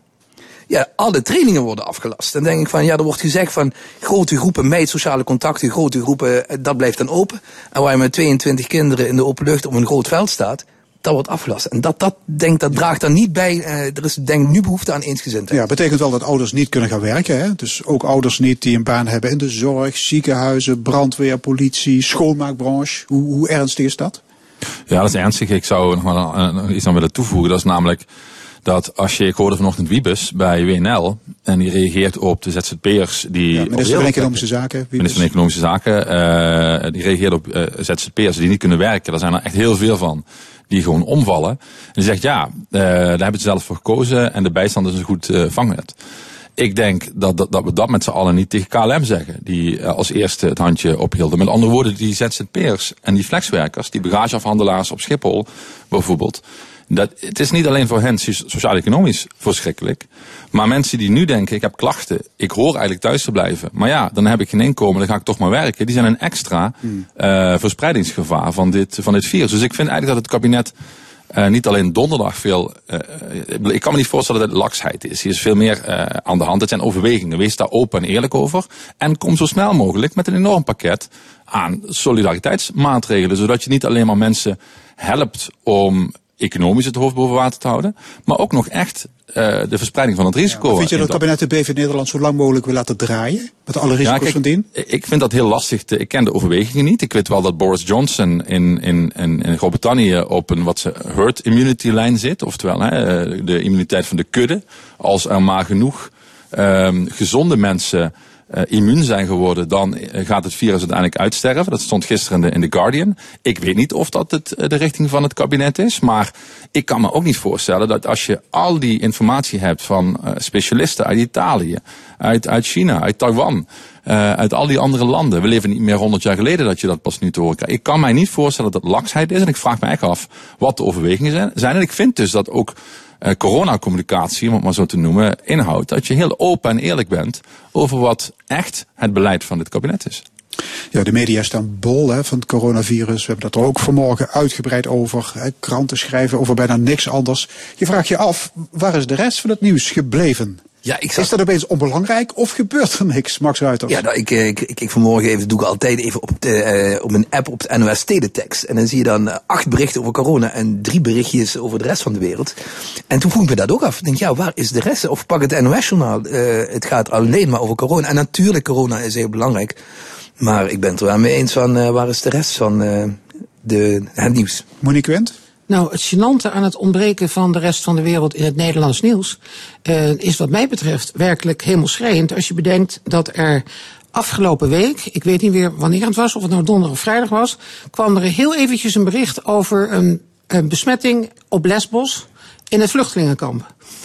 Uh, en ik hoorde daar verder niets over. En toen dacht ik, hoe is het in godsnaam mogelijk dat nu we met z'n allen weten dat de Wereldgezondheidsorganisatie dit een pandemie noemt, dat is dus een wereldwijde uh, uh, epidemie, dat we weer doen alsof we gek zijn. Uh, we hebben te maken met een wereldprobleem. Waar zitten concentraties van mensen die onmenselijke levensomstandigheden kennen op dit moment? Met name in allerlei vluchtelingenkampen. En we hebben het er weer niet over. Als we dat niet aanpakken. En ik begrijp werkelijk niet waarom dit internationaal zo eh, down gespeeld wordt. Ja, ik, als ik een dirty mind opzet, snap ik het hoor. Daar gaat het nou niet om. Maar mijn menselijke maat zegt: dit kan niet. Ja, zet die dirty mind eens op. De dirty mind is dat ze denken: nou, dan lossen we het probleem op die manier hardop. Maar wij doen toch hetzelfde? We zitten hier toch al uh, driekwart van de uitzending over corona te praten. Ja, maar ik praat nu over internationale bewustwording, want we hebben een klimaatakkoord, hè? Uh, de Verenigde Naties heeft zich ingespannen om dat voor elkaar te krijgen. En het eerste wat je zag was, die hield zich er niet aan, die hield zich er niet aan, die hield zich er niet aan. Nou zitten we met een internationale crisis. En wat merk je? Weer zit iedereen binnen zijn eigen oogkleppen te kijken naar wat moeten we hier. Uh, zonder dat men beseft dat als het in Griekenland uit de hand loopt, en de kans dat het uit de hand gaat lopen is redelijk groot als je ziet hoe die mensen daar boven elkaar zitten en onder wat voor omstandigheden die moeten leven. Dan denk ik, jongens, doe niet of dat je gek bent. De rest van Europa zit er vlakbij. Dus doe, gebruik je verstand in godsnaam. Ja, ik ben het daarmee eens. En tegelijkertijd wil ik maar iedereen een herinnering uh, roepen, uh, herinnering halen dat een week geleden onze minister-president nog zei, we mogen geen handen meer schudden om binnen twee seconden alsnog handen te schudden. Dus dat is, we zijn een week verder en het is niet duidelijk dat, het is Nederland binnengekomen, letterlijk en figuurlijk, dat het ernstig is. En dat is ook niet zo raar dat mensen daar de hele dag over hebben. Want mensen maken zich zorgen. Ja. Uh, het zou een beetje gek zijn als we het nu zouden hebben over het komend seizoen van Roda bijvoorbeeld. Dat is volstrekt ondergeschikt op dit moment. Ja, en dat Nederlanders zich zorgen maken, dat zie je dus in de supermarkten. Ja, de column die ging er ook al over. Dus behoorlijk gehamsterd, al een paar dagen. En terwijl de supermarkten toch zeggen van stop ermee, het, is, het heeft allemaal geen zin. Uh, wat geeft dat aan? Zijn, zijn mensen dan in paniek? Hebben ze geen vertrouwen in de overheid? Wat, wat, wat is als, dit? als je een overheid hebt die binnen een paar dagen, dat is niet alleen in Nederland zo, je ziet het ook in andere landen, op zijn standpunt moet terugkomen, uh, directieven moet wijzigen, uh, adviezen wijzigt. Wie vertrouwt er dan nog op dat die schappen inderdaad nooit leegkomen? Ik bedoel, dan krijg je dus vanzelf de situatie dat mensen zeggen, dat maak ik zelf wel uit. Dag. Ja, Ron mee eens? Ja, en als je ziet, hè, als mensen meer thuis zijn, dat zagen we in de afgelopen jaren ook, als er bijvoorbeeld minder, als mensen minder op vakantie gaan, ja, dan wordt er, hè, dan gaan mensen twee dingen doen. Dan gaan ze of uit eten, nou dat is nu ook wat lastiger, eh, oftewel meer eh, inkopen doen bij de supermarkt. En ik denk dat wat dat betreft, ehm, ik vond dat Rutger Brechtman dat mooi zei, voor iedere ASO eh, zijn er duizend schoonmakers en verpleegkundigen. Dus ik vind ook echt wel dat we niet moeten overdrijven als het gaat om die incidenten waarbij mensen vechten om een wc-rol, wat ik bijzonder vind. Um, maar er zijn heel veel voorbeelden van solidariteit. Je ziet de Italianen al massaal zingen. Uh, je ziet oproepen in Nederland. Dus ik geloof echt wel wat dat betreft in, uh, in, in het goede in de mens. En ik geloof dat wij in de komende tijd ook in dit land laten zien dat solidariteit en samenhang sterker zijn dan individualisme. En ik denk dat dat ook wel. Eh? Ja, ik denk dat het ook wel tijdelijk is, dat hamsteren. Dat is inderdaad die paniek. Het is, Nou, op een gegeven moment heb je de kelder vol liggen, hè? Ja, dat, dat ook. Maar, maar het is ook dat je, eh, wat ik net zei, die, die verwarring die gezaaid wordt, dan ben ik het helemaal met Monique eens. Uh, ja, dan, dan weet je als burger ook niet meer waar je aan toe bent. En dan, uh, dan raak je in paniek. Maar ik denk dat langzaam maar zeker nou uh, ook de berichtgeving vanuit de, de distributiecentra van jongens, doe nou rustig, want we hebben echt genoeg. Geniaal filmpje van die jongen die liet zien hoe vol de, de, de, schappen waren. het centrum lag. Ja. Ja. Maar er zit een positief puntje aan. Ik las dat een restaurant in Heerlen een gat in de markt nu heeft aangekaart. Waarom kunnen wij niet gewoon diners thuis gaan bezorgen? En toen dacht ik, aha, dus als de horeca, want dat is altijd het leuke van extreem idiote situaties, dat er altijd creatieve geesten zijn, ja. die gaan iets verzinnen wat daarvoor ondenkbaar was of economisch onhaalbaar. En dan ineens zie je iets ontstaan waarvan je zegt, hé, hey, ja. Dus er zitten ook positieve kanten aan, die idioterie. Ja. Naast die hele coronacrisis is er ongemerkt ook nog een tweede crisis uh, aan de gang in de wereld. Uh, een oliecrisis. We hebben het misschien niet zo in de gaten, maar als je gaat tanken, dan merk je het al. Hè? Lage benzineprijzen. Uh, het heeft alles te maken met Rusland, Saoedi-Arabië, Amerika. Nou ja, wereldpolitiek, waar, men het, waar we die olie voor wordt ingezet. Maar ja, aan de pomp, lagere prijzen. Dus goed nieuws. Bob Meijer? Niemand gaat ja. rijden, dus het schiet Ja, niet dat op. is een beetje dubbel inderdaad. Uh, we gaan weinig de weg op. Uh, maar nou ja, Heb je er niks aan? In essentie uh, lijkt het mij dat, ik, ik weet niet, ik kan niet helemaal overzien of de, de, die, die zogenaamde oliecrisis, of dat niet ook een gevolg is van de, van de recessie die er toch al aan zat te komen. Uh, die waarschijnlijk met corona, hè, want dat vind ik nog veel interessanter dan de olie, uh, die met corona uh, versneld en ver, verheftigd wordt. en daar ben ik wel bezorgd over. Wat, we hebben bij de crisis in 2008 gezien wie daarvan het eigenlijk de rekening betaald heeft. En ik zou daarom ook wel, ik, ik, ik zei eerder dat ik hoop dat het kabinet heel snel komt met een enorm pakket aan solidariteitsmaatregelen. wat je van die gekke Trump ook vindt. niet dat hij per se heel veel aan solidariteit doet, maar die heeft wel afgelopen week aangekondigd dat er een enorme bak geld ter beschikking wordt gesteld om dat uh, virus uh, uh, en ook bedrijven te, te, te, redden en te, te bestrijden. Ron, het is verbazingwekkend dat jij uiteraard Trump hier op tafel gooit. Want als, als zelfs die dat doet, hè? Dat ja, is nee, maar die wacht al heel veel die- onzin uitgekraamd. Maar die, maatregelen, die maatregelen die, die, die heb ik ook in zekere zin ook al van andere eh, regeringsleiders gehoord. Maar wat ik Trump nu echt van harte gun, dat is dat het belachelijke systeem wat daar in de. Verenigde Staten al jarenlang wordt verdedigd, dat mensen onverzekerd rond kunnen lopen. Dat zijn er miljoenen. Dat die mensen op dit moment, ziek of niet ziek, doodziek, moeten gaan werken omdat ze anders hun rekeningen niet kunnen betalen. En ja, dit is misschien niet aardig, maar ik gun Trump van harte dat heel Amerika door begint te krijgen dat wat hij met man en macht de Republikeinen heeft aangeraden om het ongedaan te maken, dat is het Obama-verzekeringssysteem, dat men nu ontdekt dat deze president onverantwoord bestuurt in dat Witte Huis. Eens. Daar maak ik me echt Eens, mijn boos punt over. was ook niet, hè, laat, laat Nee. alles zijn dat dat niet mijn punt was. Eh, Dat snap maar ik. als zelfs Trump komt met enorme maatregelen, waar blijft Rutte dan? Nee, ik heb, Eh, ik heb je goed gehoord, Maar, maar... maar, maar je gelooft niet in zijn herverkiezing in november? Ehm, nou, ik moet je zeggen dat ik st- stiekem hoop dat eh, deze ellende inderdaad een, eh, een behoorlijke impact gaat hebben op de verkiezingen in de Verenigde Staten. Want ik, ik vind die man zo vreselijk dat ik er bijna niet emotieloos over kan praten. Max Ruiters?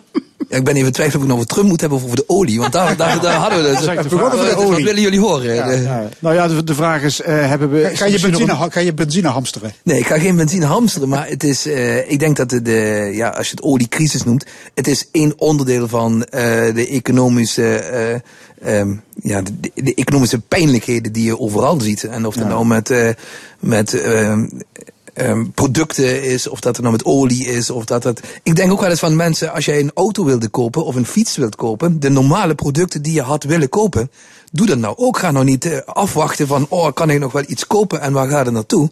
Maar denk, als ik al van plan was om iets te kopen, eh, dat laat die economie gewoon draaien en doe dat gewoon. Ja, maar, dan, d- maar dat is wel makkelijk gezegd. Als je, kijk, Als je van jij, plan was. Als jij ZZP'er of flexwerker bent en jij eh, eh, op Schiphol eh, staan 8000 banen op de tocht. En je moet daar de Dus- mogelijkheden hebben, maar als je de mogelijkheden moet, hebt... Maar dan moet de overheid een goed voorbeeld geven. maar- Dan moet de overheid stimuleren. Als de overheid stimuleert, als de overheid nu zou zeggen, dit en dat gaan we doen, dat leiderschap, hè, dat, eh, dat, eh, dat Monique net eh, aanhaalde, dat gemist Eensgezindheid, wordt. Dan durven mensen ook gewoon eh, geld uit te geven. Maar als dat niet zo is, ja, dan eh, ga ik hamsteren en sparen.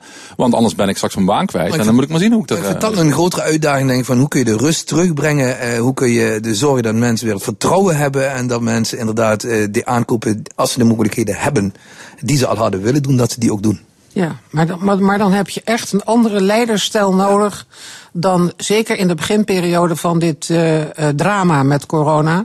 eh tentoongespreid werd. Ik, ik moet je zeggen dat ik af en toe naar die mannen zat te kijken. En toen dacht ik, het lijkt wel of jullie met de scouting op kamp zijn of zo. Eh, het was gezellig en Lacherig, makkelijk, lacherig. ja. Ik, ik snapte er helemaal niets van.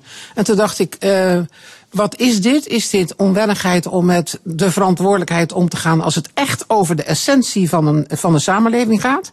Is het eh, te veel spielerij waar jullie mee bezig zijn?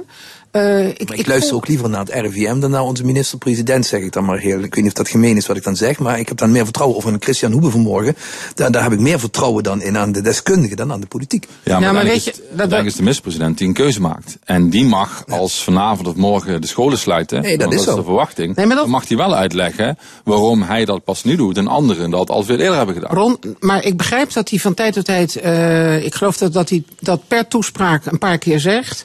Ehm, hij zegt wat hij zegt op basis van de adviezen die hij krijgt van de specialisten en deskundigen. Eh, dat doet hij niet voor niks. Eh, hij wil de terugtocht kunnen aanvaarden als dat nodig is. Tenminste, zo, zo zit ik er naar te kijken. Ik noem dat indekken. Eh, Ja, dat, eh, ja, Politiek is dat Ja, indekken. ja.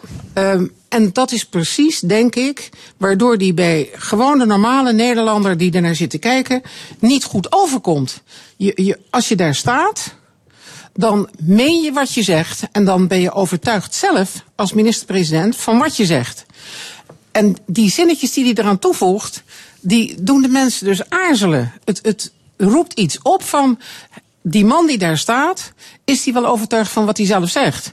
En als ik dan in de krant allerlei analyses lees waarin staat, we hebben behoefte aan een vaderfiguur, dan krijg ik als mevrouw in de politiek, krijg ik weer last van allerhande soorten van kriebels. Want dan denk ik, het gaat niet om de vaderfiguur, er is hier eerder aan tafel over Merkel gesproken. Is dat dan een moederfiguur? Nou, als er nou iets is wat Merkel bij mij helemaal niet oproept, dan is het eh, de, de moeder met, met de kleinkinderen op schoot. Het is gewoon een mevrouw die weet wat ze wil en een mevrouw die overtuigd is van haar eigen opvattingen. Dat zie ik. En dat hoop ik dat we ook in Nederland te zien gaan krijgen in de komende dagen. En dan hoeft hij geen baard te hebben en hij hoeft ook niet groter te zijn of breder te zijn. Zoals een aantal mensen die ik dan af en toe zie optreden. Nergens voor nodig. Goed, we gaan van de minister-president naar de koning. Willem-Alexander heeft excuses gemaakt over geweldsontsporingen van het Nederlandse leger in Indonesië. Dat geweld is gebruikt na het uitroepen van de onafhankelijkheid in 1945. Monique Wendt, je bent historica. Ja. Wat vind jij van die van het staatshoofd? Ik moet je zeggen dat toen ik hem zag hakkelen, want onze koning bracht het niet soepeltjes. Op um, kwam er ja, moeilijk uit. Ja. Dat, dat, ik Was dat ingestudeerd? Dat weet ik niet. Ik weet alleen dat, dat hij um, onzeker overkwam door de manier waarop hij het zei. Ja, hij stotterde bij door te Ja, spijt. En juist. Dat lijkt mij niet. En dat, eh, lijkt, eh, dat, dat was niet handig. En toen dacht ik bij mezelf, oh mijn god, het zal toch niet waar wezen. Dat, dat hele gedoe over de onafhankelijkheid van Indonesië is een gevolg geweest van het feit dat uh, toen de oorlog was afgelopen in Nederland, er een overtuiging was, met name bij het Nederlands bedrijfsleven, onderschat dat niet, dat onze koloniën terug moesten onder de controle van de regering in Den Haag. Indië verloren, rampspoed Juist. was het. En elk middel wat daar uiteindelijk toe zou leiden, dat was geaccepteerd. Als je de drama's leest die eh, het verplicht ronselen van soldaten in Nederland met zich mee heeft gebracht, dat is vreselijk. Eh, mensen die weigerden uit principe om naar Indië te gaan, die zijn jarenlang in de gevangenis beland. Dat is in het collectief geheugen van de Nederlanders ongeveer tot onder de schoenzolen verdwenen. Maar het bedrijfsleven hamerde erop. We doen er alles aan om te zorgen dat deze melkkoe. Want Nederlands-Indië is de melkkoe van de Nederlandse economie geweest. Decennia lang. En dan heb ik het nog niet over het Koningshuis Oranje. Want koning Willem I is toen hij aftrad met een ontzettend bouw geld vertrokken. En is gaan leven van zijn centen. Terwijl de schatkist eh, ongeveer hopeloos verloren was. Want de schuld die de staat had was vreselijk. Maar goed, dat is een apart verhaal. Dat is allemaal opgeschreven worden, dus ik verzin dit niet. En uitgerekend nu gaat hij in een bezoek aan Indonesië met iets van 120 of 130 ondernemers in zijn kielzocht, die met een vliegtuig meegevlogen zijn naar dit staatsbezoek. Onder die figuur, onder die sfeer, gaat hij excuses staan aanbieden. De ondernemers hadden ook een excuses moeten maken eigenlijk. Nou, om te beginnen denk ik dat de Nederlandse overheid zich had af moeten vragen... wat hebben wij tot nog toe met al die mensen gedaan... die in de gevangenis zijn geland omdat ze principieel hebben verdomd... om mensen te gaan vermoorden aan de overkant van de oceaan. Ja. Wat doen we dan? Nou goed, organisaties van oud-strijders die zijn onaangenaam verrast. Hè, die spreken zelfs van een regelrechte provocatie. Hè, wij veteranen krijgen de volle laag en de politiek blijft buiten schot. Ron Meijer? Ja, dat snap Terecht, ik wel. is En daarom vind ik ook dat als je, als je spijt betuigt eh, en, en je verontschuldiging aanbiedt, dan moet dat aan alle betrokkenen, inclusief mensen die je hebt laten vechten, waarvan je eigenlijk nu achteraf zegt dat ze dat eh, niet hadden moeten doen. Dan wel dat hun pijn en hun eh, schade, dat die eigenlijk voor niks is geweest. Want zo voelen die Want die, die moesten, En die werden gewoon een koloniale oorlog ingestuurd. Hè? en tegelijkertijd eh, ehm, vind ik wel, ik ben het absoluut helemaal met meneer Quint eens, dat de, de keuzes die destijds zijn gemaakt onder, onder druk van, van kapitaal en van winstgevendheid, om het zo, te, maar te zeggen, dat dat verhaal er ook bij hoort. Ehm, maar dat is natuurlijk geen reden, zo hoor ik dat meneer Quint over zo niet zeggen, om die, eh, die spijtbetuiging niet af Zijn ze aan de late kant, die, die excuses? Tuurlijk. Ja, natuurlijk. eh decennia te laat zou ik zeggen. En bo- bovendien op een raar tijdstip, sorry dat ik het moet zeggen. eh, er is eh, aan historici een opdracht gegeven om de hele zaak nu eindelijk eens tot de bodem uit te zoeken. Wat is daar nou precies gebeurd tussen. Komt over een tijdje komt er een Wacht- heel wacht dat dan af. dikke studie over Ja, de gang van wacht dat dan af. volgend jaar hè, komt die eh, Ja, dan denk conclusie. ik, wat, wat, want wat je nu krijgt, tenminste dat voorzie ik, want als historicus is dit een hele rare situatie. De excuses worden aangeboden. Ehm, maar als ik alle literatuur die ik in de loop van mijn leven gelezen heb over Nederlands-Indië door mijn hoofd laat gaan, dan denk ik bij mezelf, er komen dadelijk dingen boven tafel waar de gemiddelde Nederlander zich kapot voor gaat zitten schamen. En op het moment dat de koning zijn excuses aanbiedt, heeft men dat beeld helemaal niet. Maar deze excuses zijn ook alleen maar aangeboden voor de excessen tijdens die koloniale oorlog, niet voor het koloniale systeem. Ja, nee, maar ik ben het wel met Monique eens. En eh, dat, dat van mijn standpunt ook. Wacht nou even af totdat die historici die, die onderzoeken gedaan hebben. Want dan heb je de feiten op tafel. En denk van, eh, als je nu dan die excuses aanbiedt, eh, dan had dat veel eerder gekund. Of wacht nou die, die, eh, eh, die onderzoeken af. En, eh, en ik zag een oud Ja, dat er verzetstrijd. excessen zijn geweest. Ja, maar ik zag een oud verzetstrijder die, die deed rigoureus eh, bij een NOS uit. Dat zijn de medailles allemaal af en gooide die weg. En denk, ja, dat snap ik dan ook wel. Dan, eh, want, en dan ben ik echt met Ron eens. En denk van, excuses moeten op meerdere, eh, bij meerdere Ja, die, die, partijen die plaatsvinden. veteranen die vinden trouwens ook dat Indonesië zijn excuses moet aanbieden tegen het geweld tegen Nederlanders en, tegen Indische Maar dan Nederlanders. zit je dus bij de idiotie van dit hele fenomeen. Want nadat Indonesië de Republiek Indonesië was geworden, heeft het ongeveer drie kwart jaar geduurd of de hiërarchie in de samenleving, maar dan zonder de Nederlanders, dus het waren nou niet de witte toeans, maar het waren nu gewoon de inlandse toeans die weer terugvielen in hun eigen gedrag wat Indonesië is van oudsher een uiterst hiërarchische samenleving. Met vorsten die absoluut de baas waren over hun onderdanen. Dat kwam terug. Je hebt daarna dus een burgeroorlogachtige situatie gekregen in Indonesië. Tussen zeg maar alles wat links was, met name de communisten. Die zijn toen ook massaal in de gevangenis geland. Eh, en de inlandse. Ja, dat was in aristoc- 1965. Hè. Toen zijn Ja. miljoenen mensen Ja. over de klinken. Juist, en toen heb je ook nog de Nieuw-Guinea-kwestie gehad. Als je daarover praat, wordt het nog charmanter. Want Indonesië wil de onafhankelijkheid van de Papua's op geen enkele wijze eh, mogelijk maken. Dus Ja, wie, wie moet hier nou aan wie zijn excuses aanbieden? Maar, maar zouden de excuses uiteindelijk verder moeten gaan? Zou Nederland ook zijn excuses moeten aanbieden voor het hele koloniale verleden? Ja, ja, waar blijf je dan? In Groot-Brittannië, Frankrijk, Duitsland. eh, alle West-Europese landen die aan imperialisme hebben gedaan, eh, kunnen dan massief, via de Europese Unie, dat is misschien goedkoper, kunnen ze hun excuses aanbieden voor het feit dat ze. Een in- standaardformuliertje naar al die koloniën. Ik heb zelf een humane strijd meegemaakt, moet ik zeggen. De- als er een oorlog is, dan heb je altijd... Nee, het gaat om het koloniale systeem. Ja.